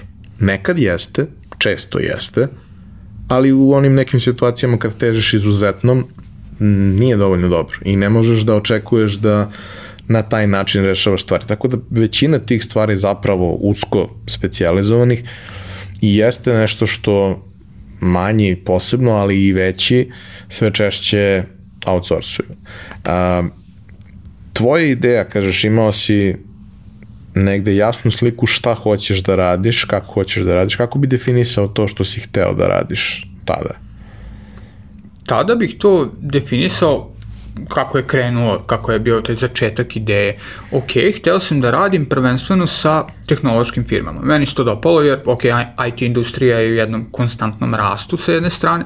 Sa druge strane, meni kao eto, filologu, opet kažem koliko se prepliču te stvari, je odgovaralo što dobar deo naših IT firmi, šta god ko rekao i kako, kako god stvari možda stajale u, u javnom mnjenju, dobar deo kompanija dosta ulaže u IT kompanija u meke veštine, u razgovorne veštine, komunikacijske svojih predstavnika. Bilo to online predstavnika, bilo ljudi koje šalju na pregovore ili koje ugovaraju projekte. I meni je to odgovaralo zato što sam stvarno se osjećao, eto, to je, to je već subjektivna stvar, doživeo sam mogućnost da u dobrom procentu slučajeva mogu da pregovaram sa ljudima, mogu da dogovaram saradnje, da se razumem, da, da, da pričam na jednom na jednom, na jednom, pa neću reći nivou, to bi zvučalo pretenciozno, nego da pričam na jednoj talasnoj dužini koja meni odgovara. Znači, ako pričam, obično pošaljem, ne znam, projektnog menadžera koji je prošao niz, ne znam, asertivnih komunikacija i tako dalje, koji zna jasno da iznese šta mu je potrebno.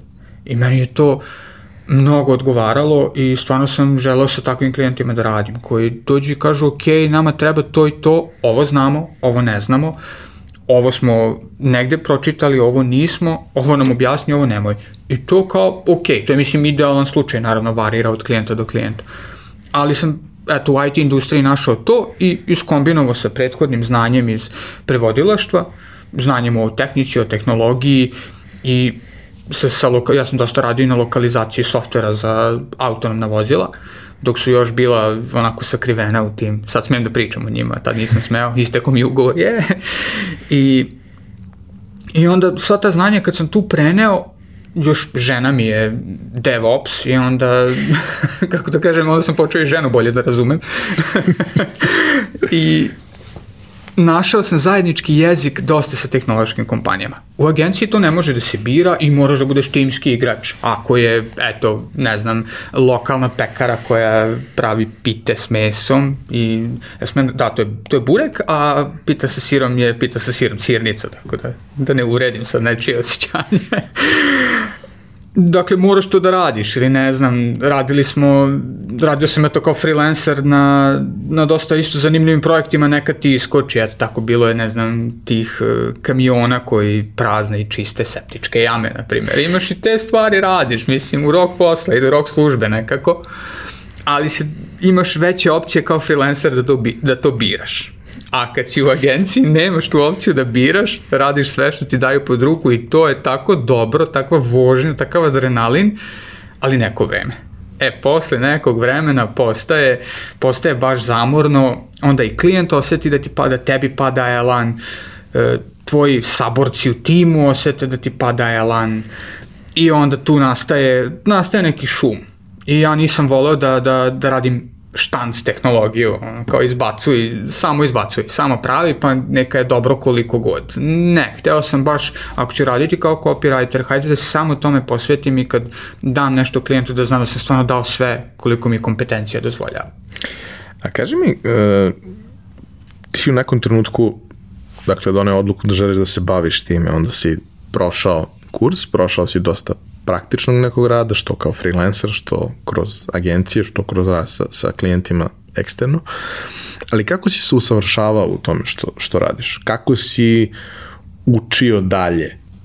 Pošto, ono, ti si geek i ti istražuješ stvari, zato i jesi toliko dobar u tome što radiš, zato što si vrlo posvećen stalo ti je i umeš da učiš, umeš da istražuješ. E sad, kako si ti pričamo o nekom malo prošlom vremenu u kome to bilo manje dostupno nego danas, ali nije se mnogo promenilo pristup kojim, kojim bi trebalo da se vodimo kad ulazimo u tako nešto. Kako si ti, uh, pro, kad si nalazio vreme uopšte da to radiš, onda na koji način si to radio, od koga si učio, gde si tražio znanje, gde si tražio te neke finese koje, koje su ti kasnije mnogo značile. To je kombinacija više metoda. Ako pođemo od tih standardnih, ok, kurs. Prošao sam jedan, mislim, ne, ne jedan, ukupno sam, prošao sam tri onako malo krupnija kursa i još uvek, evo i sad sam prijavljen na, na jedan kurs koji koji traje godinu dana, mislim, ima i grupe koje te drže odgovornim da vežbaš, sa kojima radiš zajedno, tako da s njima učestvujem, radim, još uvek poliram, a to je jedna strana, kursevi. Druga strana jesu za copywritere, e, posebno, što se dosta se savjetuje, jesu knjige. Dosta copywritera je napisalo knjige, to je ok, ajde nećemo ignorisati evidentnu želju za zaradom dodatnom, ali mnoge od njih, i to se osjeti u pisanju, imaju potrebu da se izraze i preko onoga što rade. I onda se dosta uči kroz knjige drugih copywritera. Sve je to neka teorijska podloga koju onda kroz, u praksi svakodnevno treba da primenjuješ. Ne treba sve uzeti zdravo za gotovo, naravno neke metodologije, neke okvire u kojima se radi, jer neobuz, neobuzdana kreativnost je za brainstorming, a za usmerenu kreativnost ti treba neki okvir u kom radiš.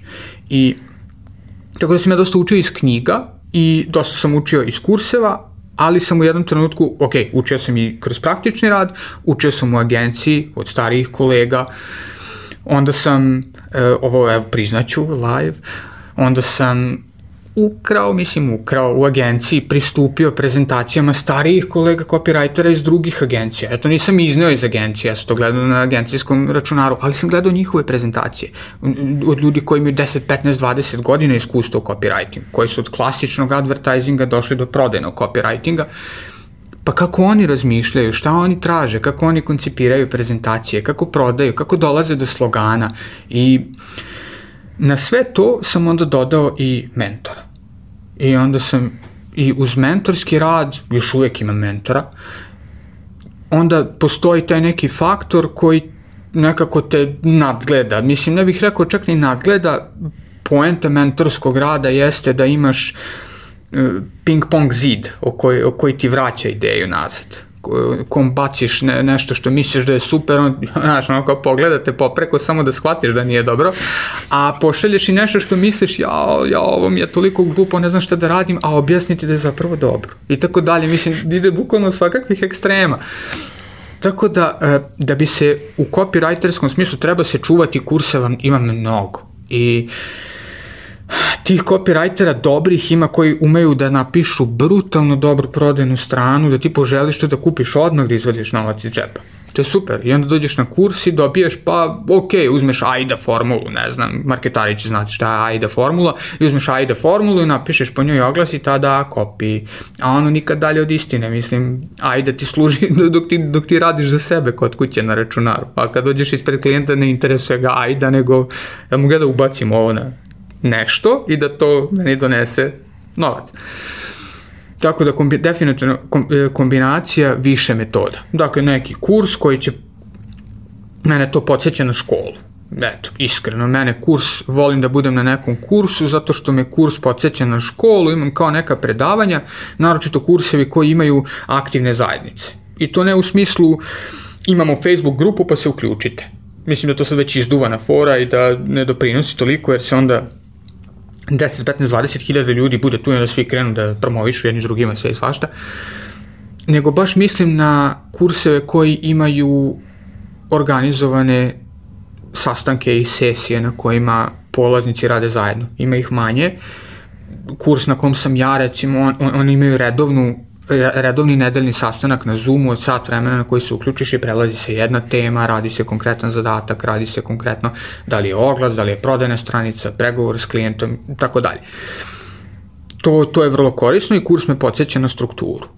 Nastavnik, eto jednostavno pa mi je potrebna ta struktura, knjige, mentorski rad i uvažavanje, uvažavanje iskustva starijih kolega, nezavisno da li su iz uh, copywriting sektora ili iz nekog drugog ali definitivno uvažavanje iskustva starijih kolega. Nekad će to biti, opet kažem, ne treba sve uzimati zdravo za gotovo, ali evo primjera iz mog iskustva, ja sam pisao sam neku, ok, radio sam neku komunikacijsku strategiju i ja sam na njoj radio mesec dana, ali negde mi je nešto tu falilo.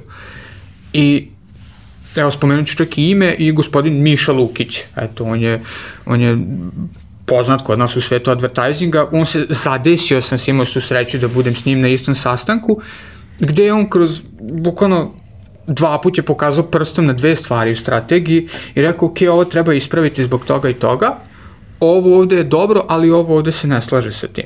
A, a ja mesec dana gledam u te papir.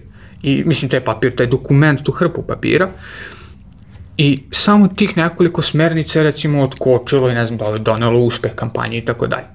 Ali da nije tog iskustva i tog deljenja znanja u zajednici, mislim da mislim da nema nema prostora za brz napredak. A kad kažeš mentor, mm -hmm. ponovo je to postalo jedna od važnih reči o kojima se sve češće priča. I svi mi sa nekim većim iskustvom nađemo vreme za neke klince kojima treba neka vrsta usmerenja, treba neko da ih sasluša, treba neko da im kaže, e, nije loše to što ti radiš ili to kako se cimaš ako nije loše. Ja, ja nisam baš idealan mentor zato što sam hejter, ovaj, ali e, uloga mentora je zapravo jako važna. Sad postoje ono formalni mentori, neformalni mentori. Mnogo nas je imalo neformalne mentore, upravo te ljude koji su nas oblikovali, koji, s kojima nismo imali mentorski odnos, ali njihovo ponašanje na nas uticalo vrlo značajno. Mnogi moji mentori ne znaju da su mi bili mentori, jer to što sam ja čitao ne znači da su oni znali da sam ja čitao. Danas smo kolege, baš pre nego što smo počeli ovaj, da snimamo, smo pričali o tome uh, koliko je Lazar Čamić značajan i predivan i to sve i ja uvek kada me neko pita kažem da mi je najveća, najveća ovaj, pohvala koju sam ikad dobio u životu kada mi je Lazar jednom prilikom rekao desi majstor. O, znaš, divno. ovaj, prvo majstor u meni, znaš, ja sam tu mašinski tehničar za robotiku, majstor u meni je bio srećan, bravar, ovaj, a drugo, znaš, ipak je to od čoveka od koga sam ja krenuo da učim 95. godine kada sam imao 10 godina. On to ne zna, ali ja i dalje imam taj njegov priručnik i dan danas 30 godina kasnije, 25 godina kasnije, to što tu piše i dalje ima smisla. Potrebno ga je minimalno adaptirati na tehnološku inovaciju koja se desila. Ali, ono, to što ja stalno pričam, to sam pričao i mojim studentima dok sam im predavao, kao, vi mislite da ste vi izmislili oglase, vi mislite da ste vi izmislili kopi. Ono što je radilo u printu pre 70 godina, radi i danas. Tako je. I ti ljudi koji su to tada radili, su bili genijalni jer su oni to morali da ubodu iz prvog. Tako. Nisu mogli da testiraju koji oglas radi bolje i da za dva dana dobiju feedback od toga. Ne, ti si kupio stranicu u nekom Washington postu i treba da staviš oglas. On mora da radi iz prve. Tako je.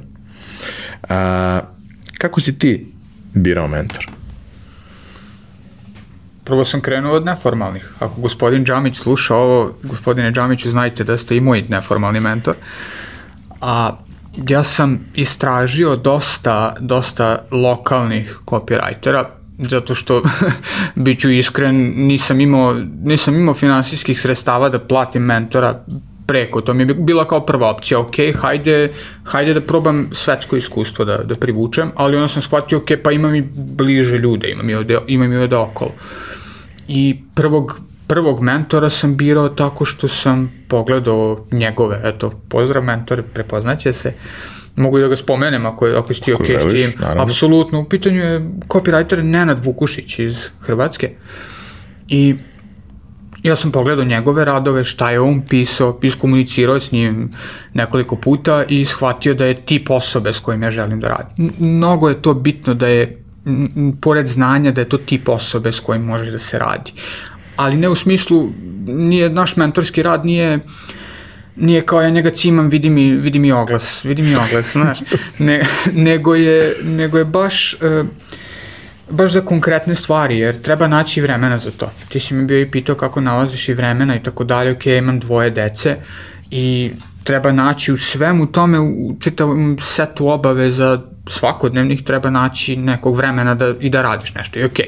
A znam i da on kao čovek sa 20 godina iskustva, koji je prošao sito i rešeto i ne postoji agencija u Hrvatskoj s kojom nije radio i radi freelance i ne, mislim i ima nagrade za sebe i tako dalje, nebitno, to je ok, meni bio faktor kredibiliteta. Ali znam da svaki put kad mu priđem, kad ga kontaktiram, moram da dođem sa nečim konkretnim. Moram da dođem sa, sa pitanjem, ok, šta, ja sam ovo vidi, ja sam ovo napisao. I ovo je projekat. I mene mnogo muči, recimo, hoću da pogodim, publika ima taj taj problem, ja hoću da ga izvučem na površinu, ali negde tu nešto mi, ne, ne, ne znam kojim redosledom, kojim stepenom. I onda kad I onda mi ono drži e, strateški, stratešku konsultaciju, pogled od ozgo. Ok, vidi, to se obično ovako, evo ti primer, kako to izgleda tu, evo ti primer ovde, ali vidi sad, imaš kompanije koje su to okrenule na glavačke, pa ti daj te primere. Znači, u suštini on ti još dodatno zakomplikuje. Još dodatno ti zakomplikuje život i, i onda ti sedneš i pokušavaš, kao kod starih mudraca, znaš, zen, pokušavaš da dešifruješ šta su htjeli da kažu. e, tako ja s njim pokušavam da dešifrujem šta, šta, šta sam želeo da, šta je on želeo da kaže. A onda imaš i one momente kad dođem, ja, ja ništa ne znam, ne rade šta da radim, brate, vidi me kako sam loš, čovječ, ovo neće prodati nikad. Da, mi copywriteri imamo, ajde govorit ću i o sebi, da, koliko god samo pouzdano delovali, apsolutno imamo momente očaja, brate moj, to je, to je neizbežno, očajan si, hvataš se za glavu, da li će ovo da, da, li će ovo da radi, što ne prodaje, zašto ne, ne prodaje više nego što sam hteo da prodaje i tako dalje želiš da, da imaš tu jednu moćnu kampanju koja će da zvoni i onda ja dođem njemu i onda on meni održi virtualnu lekciju, trš, trš, trš, trš, nekoliko šamara i, on, i onda kaže, vidi, to je dobro, to je dobro, ovo nije dobro, priznaj da nije dobro, priznaj sebi prvo da nije dobro, pa onda ili priznaj klijentu da nije dobro, pa onda prepravi.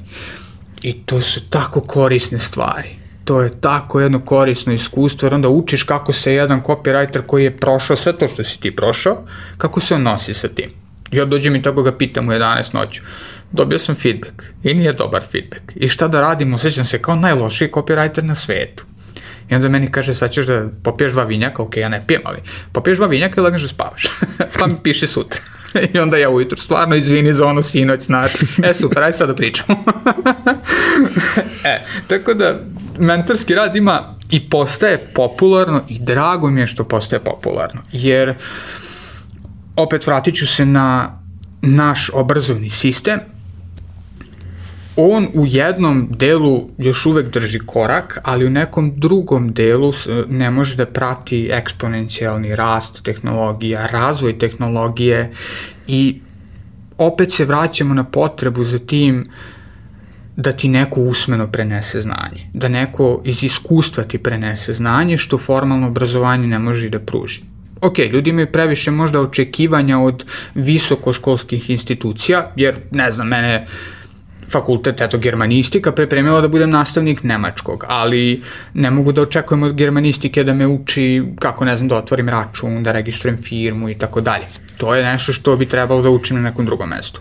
Ali, ok, to je neka druga tema, da ne, da ne digresiram previše. Smatram da, su, da, da će mentori post, eh, postajati sve popularniji i da će to biti sve uobičajeniji način za napredovanje, naročito u profesijama koje nemaju obuku za to, kao što je copywriting. Copywriting nema neku zvaničnu obuku. Možda na fakultetu za medije i komunikacije, ja mislim da postoji neki modul pisanja za web, to ne smem da garantujem.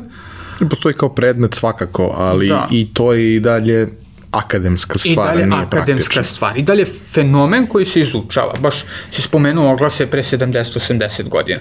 Mislim, realno, u jednom trenutku ti bude absurdno kao zašto bi čitao oglas koji je neko stavljao na print, pa u pismo, pa slao pre 70 godina. E onda kad iš čupaš kosu dovoljan broj puta, e onda sedneš da čitaš taj oglas. I onda kad, kad počneš da shvataš mehaniku izme, iz, i iza nečega što je radio neki tvoj kolega pre 100 godina, I što ti kažeš, ni, uopšte nije imao prilike. Ja mogu da stavim na ABC testiranje i da, da vidim da će naranđasto dugme ili mu naslov odgovara ili neki benefit, a onaj copywriter pre 100 godina pošalje pismo na 5000, 100.000 adresa, nije važno koliko, koliko god je ko imao budžeta i čeka broj odgovora.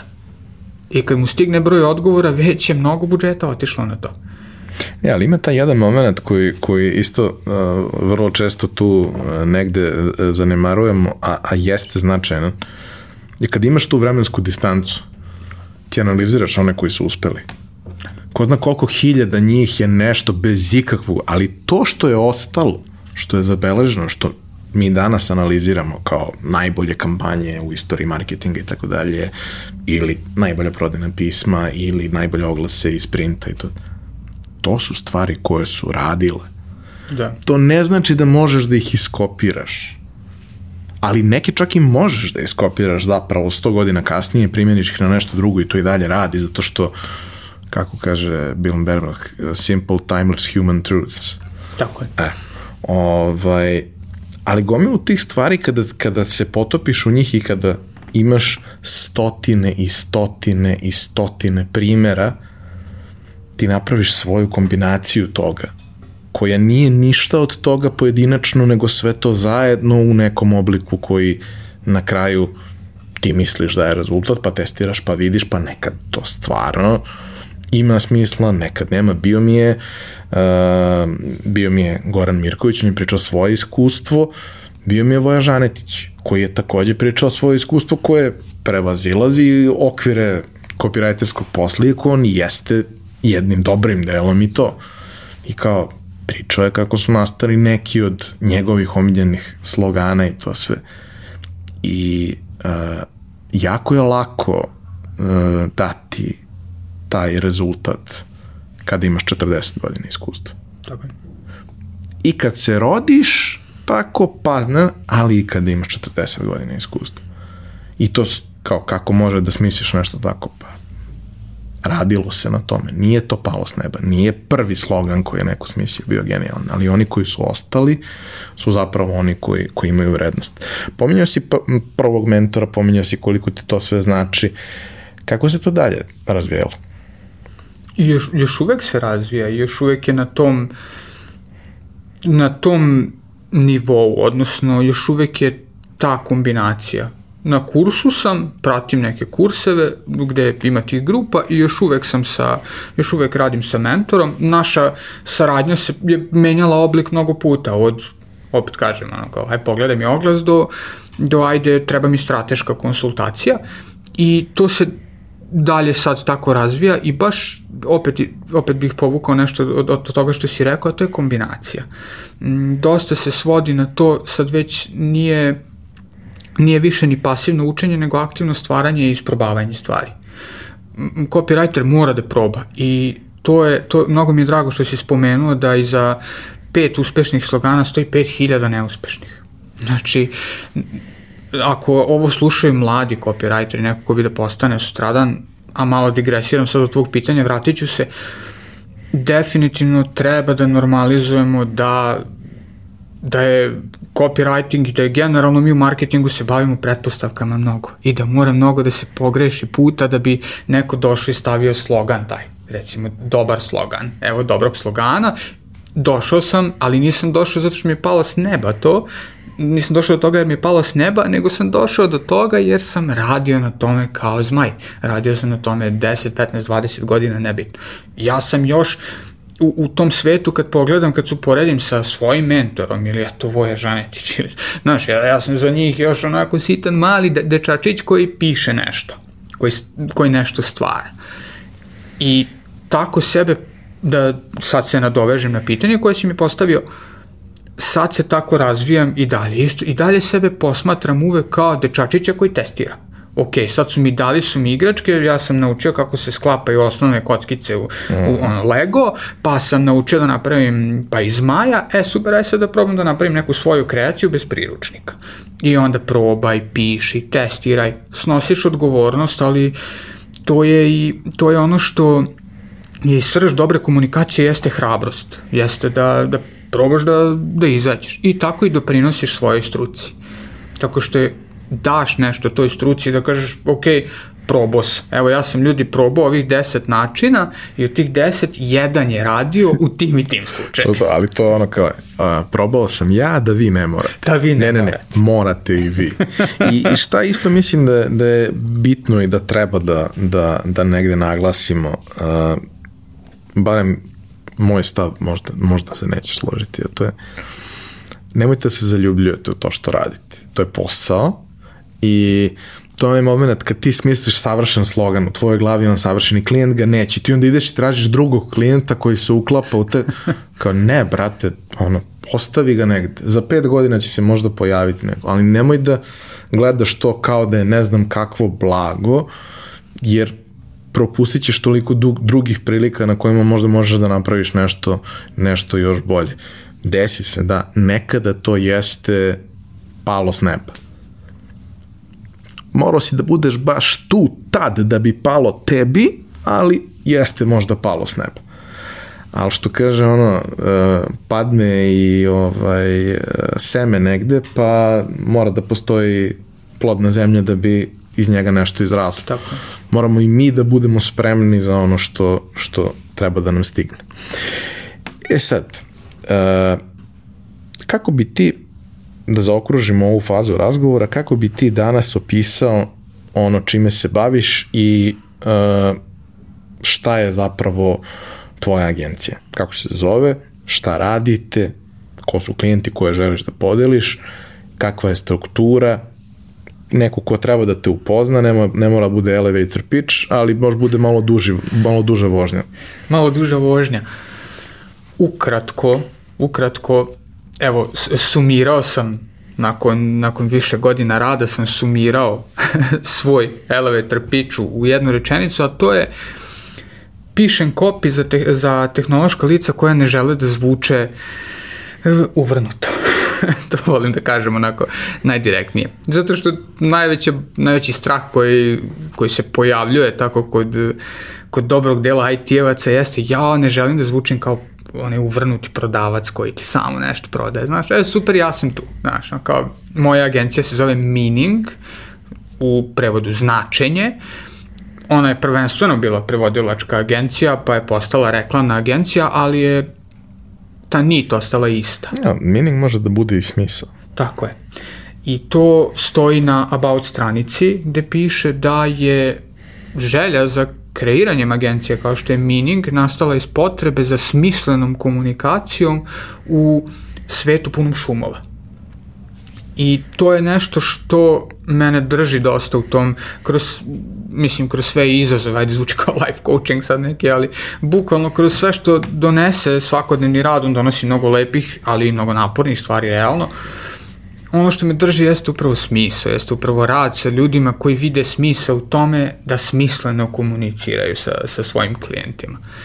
I tu je moj elevator pitch. Ja radim sa ljudima koji žele smisleno da komuniciraju, jasno, efikasno i smisleno. I radim sa tehnološkim kompanijama to.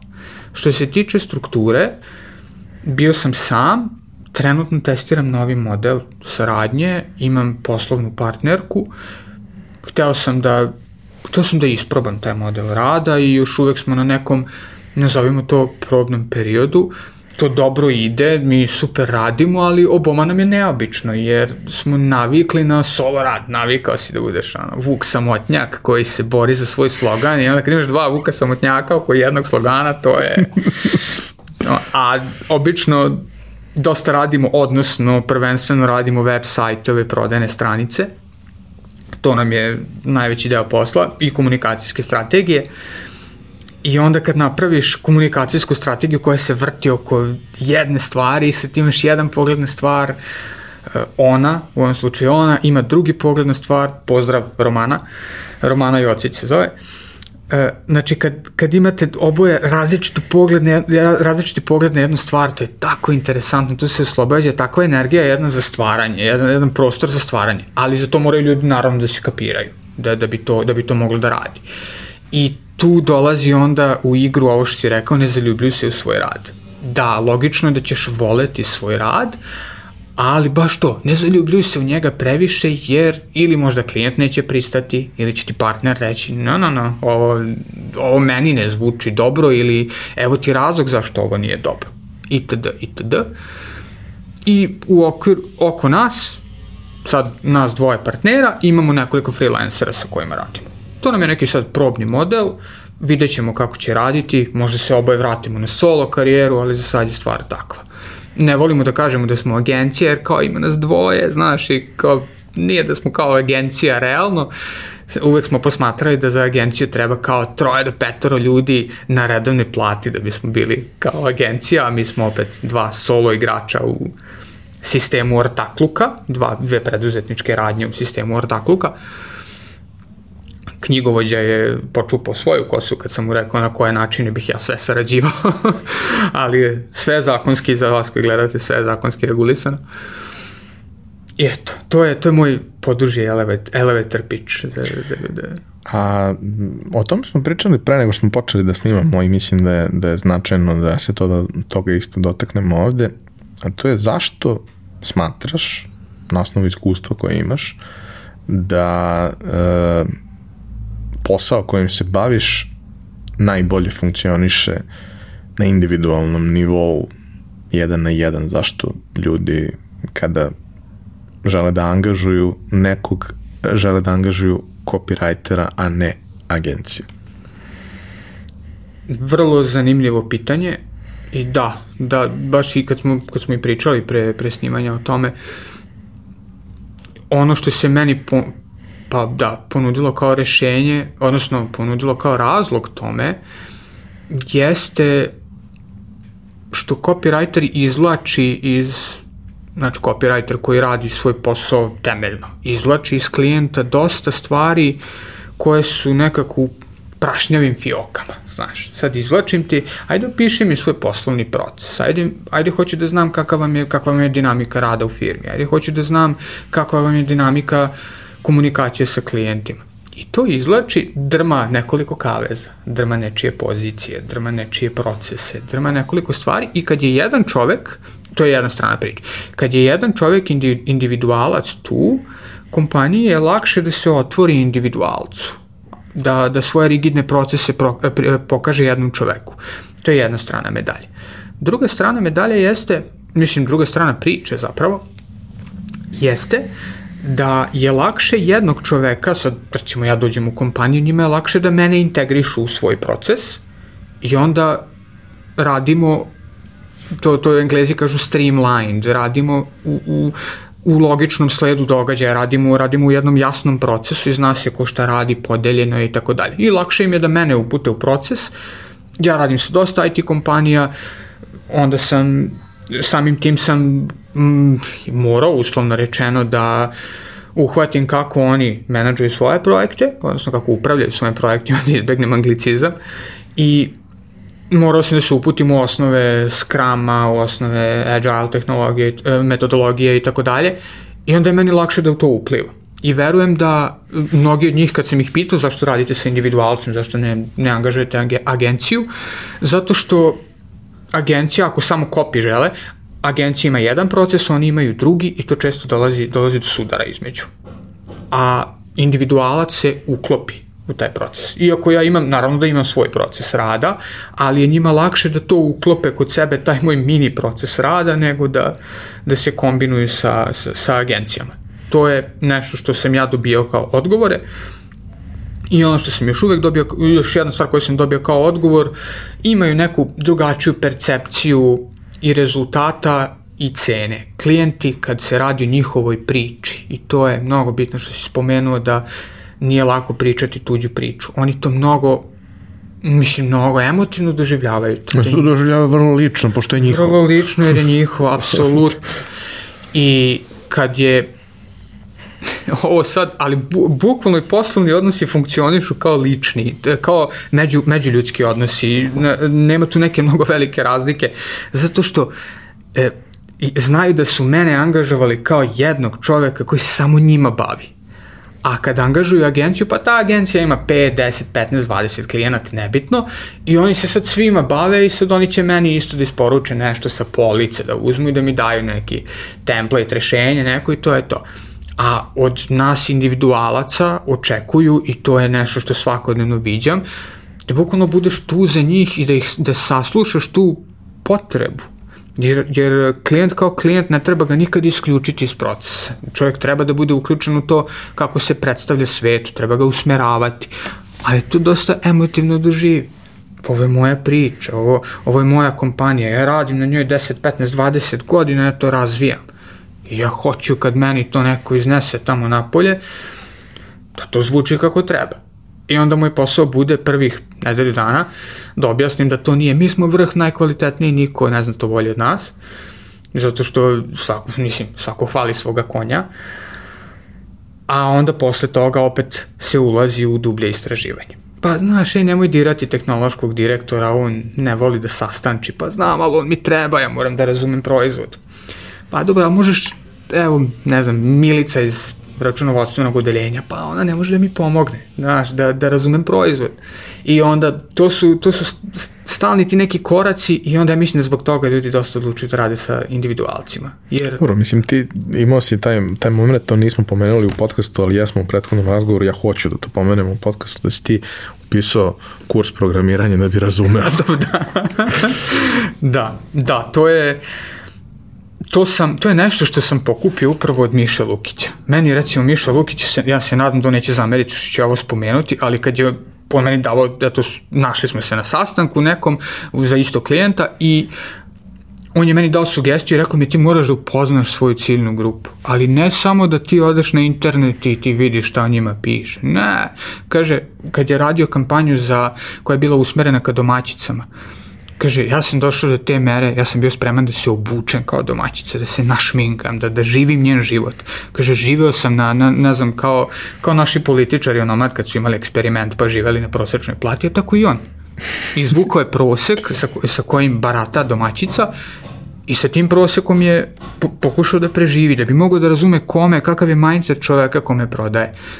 I okay, super, meni je žena programer, ja sam hteo nju bolje da razumem, eto im postoji taj mali sebični razlog, ali ja sam hteo svoje klijente da razumem. I onda sam upisao lepo nekoliko online kursova programiranja, pa sam upis, išao sam, kad je bio Webiz, onaj pre korone, sam posjećivao design sprint radionice, gde, gde sam baš pratio kako izgleda proces razvoja jednog proizvoda u IT kompaniji, kako to funkcioniše među timovima,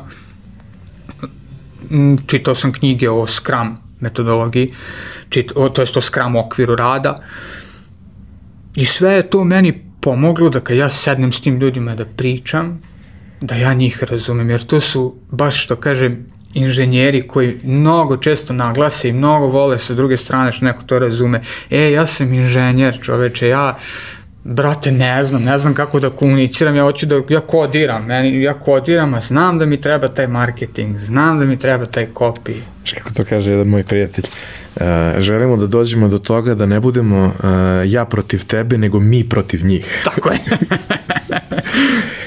e sad, mi smo ispričali tvoju profesionalnu priču, komšija koji Bruce je malo pre i, i, i čukao, tako da imamo i taj moment. Ovaj, ali uh, ostao je jedan deo koji smo ostavili za sam kraj koga ja prosto želim da se dotaknem jer je to jedna od onih redkih stvari koje mi ovaj život čini lepšim svaki dan.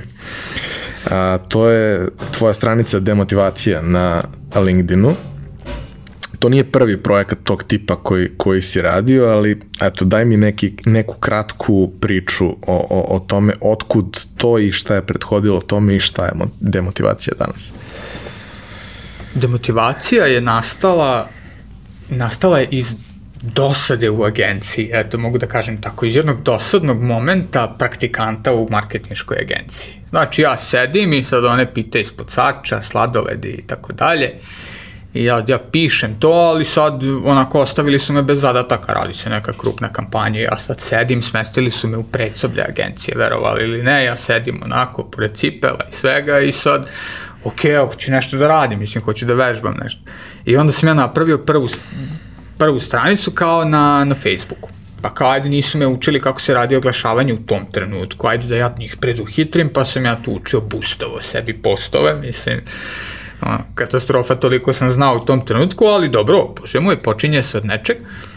I to sam ispričao u, u, kod Žiške, to, to ću ponoviti sad i ovde, znam da sam poslao neku, e, neki niz objava za, za neke sladolede i kreativni direktor koji kome je dosadilo se hvata za glavu kad dobije od mene prezentaciju izlazi i sad do meni kažemo ja hoću emociju bre, ovo je sladoled razumeš, ono, ali nije samo sladoled, to je novi ukus, to je emocija, to ljudi moraju da dožive, preradi ovo, dobro, okej, okay.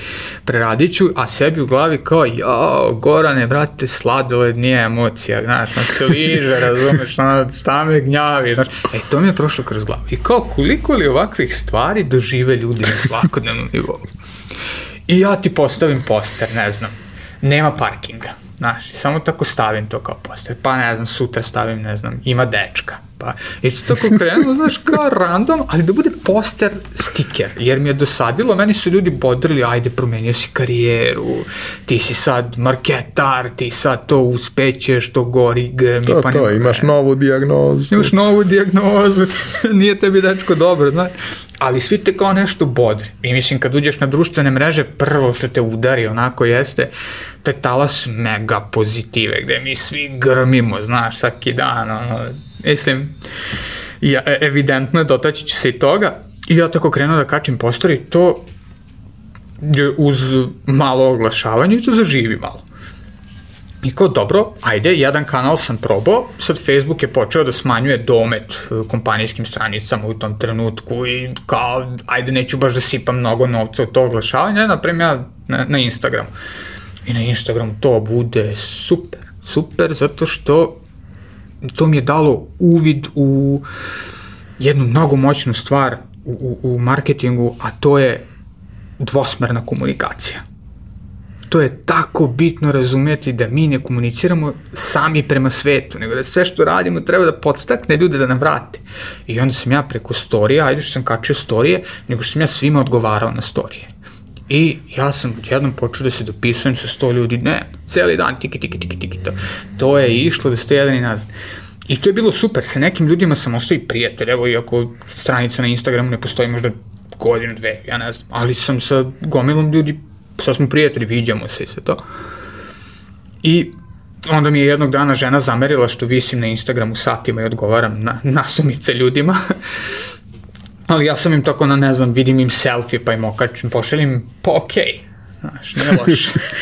znaš, a oni ti okač, ili, znaš, kad stave onaj, onaj slider kao da prevučeš koliko je dobro, pa stave onu vatricu i ja namerno na nulu, znaš, ja to vučem i onda ljude to podstakne da ti pišu, šta kao ne sviđa ti se slika, ma, znaš, ono, kao ne znam, nos možda malo ugao da pomeriš, znaš, i sad ti odjednom pričaš ljudima direktno, ne, mislim, nikad to nije bilo na nivou uvrede, nikad nije, ali, ali eto, tako te neke svakodnevne situacije. I to je, to je bilo, i meni je bilo zabavno, pa sam kačio storije da mi, da, da mi ljudi tako pošli neke primere.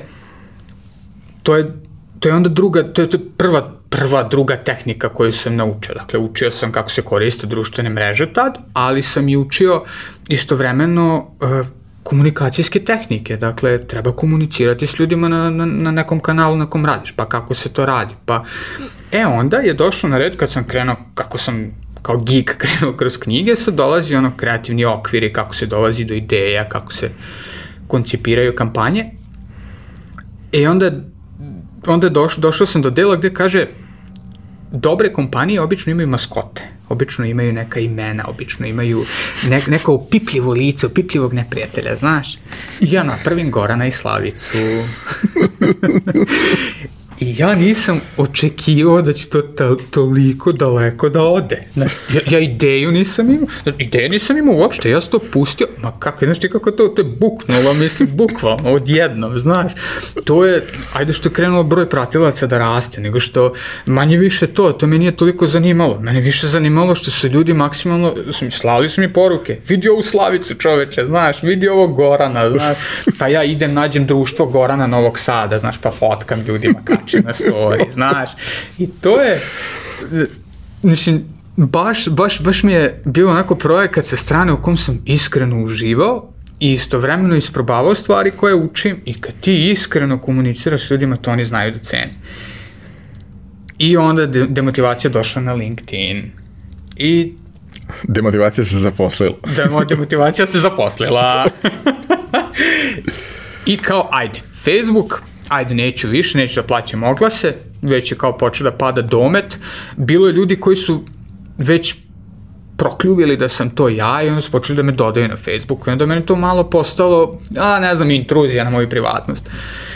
Pa sam to zagasio. Na Instagramu sam počeo da se dopisujem sa velikim brojem ljudi i to je počelo da mi oduzima mnogo vremena i sad ono, deca, posao, sve i onda sam ja eto, zagasio i to. Nisam, nisam nekako doživljavao nisam nekako doživljavao da, da može od toga da bude kao nešto krupnije.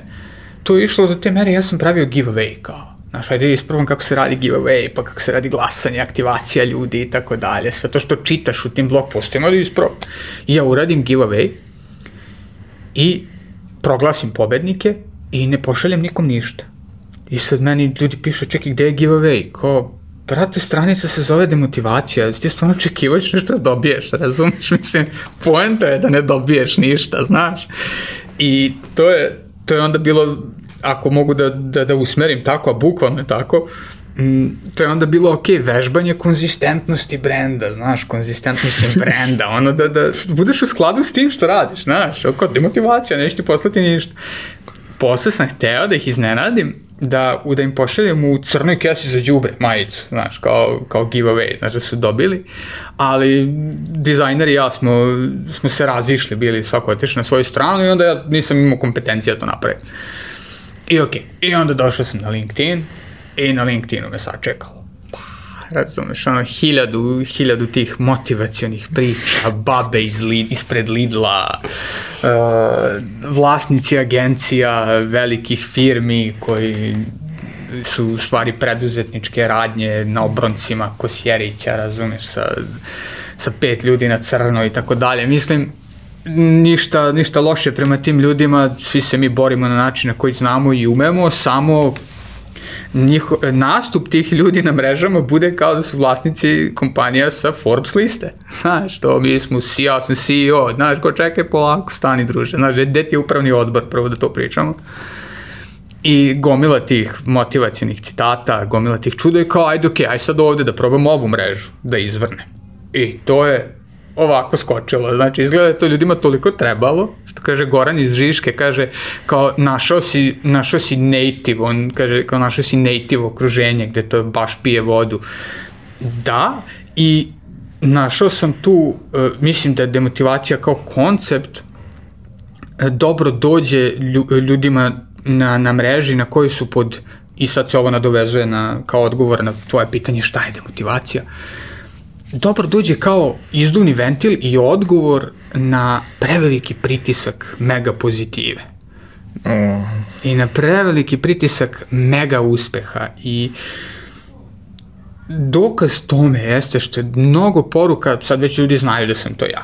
Da, kao bio sam anoniman jer je to davalo neku dozu misterije svemu tome, ali u jednom trenutku sam se autovo, što kažu. I velik broj ljudi mi pošalje, na primjer, na mail ili privatnom porukom kao, e, kažeš stvari koje bih ja rekao, ali ne smem glasno zbog poslodavca. Ili, aha, super što si ovo izvukao kao problem, iskreno osjećam se kao, i ovo su prave reči, znači osjećam se kao neuspeh zato što vidim toliko uspešnih, mega uspešnih objava i radim isto ako ne i više, a nemam taj uspeh. I onda, a nemaju ni oni, ali, ali, ali nema veze, znači. I onda, ja popričam s tim ljudima i kažem im, slušaj, dobar deo stvari koje izvučem su isto prenaduvane objave.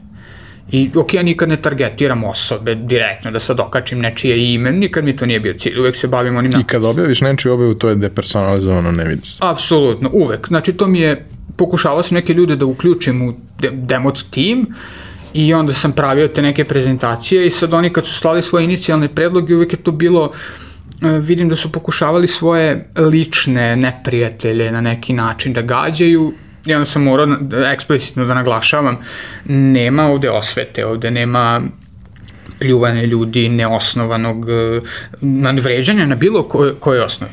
Znači, izvući ćemo i daćemo priliku ljudima da sami učitaju neko značaj. Mislim, šta njima to, šta, šta znači to publici? To je, to, to je srž svega, ja mislim, srž ovog copywriterskog posla, šta je to što ljudima znači, na šta oni to reaguju. I eto, demotivacija je taj mali projekat koji pokazuje ljudima da, da je realnost više šarenija, siva, da nije sve tako, da nismo svi CEO-vi, znaš, na...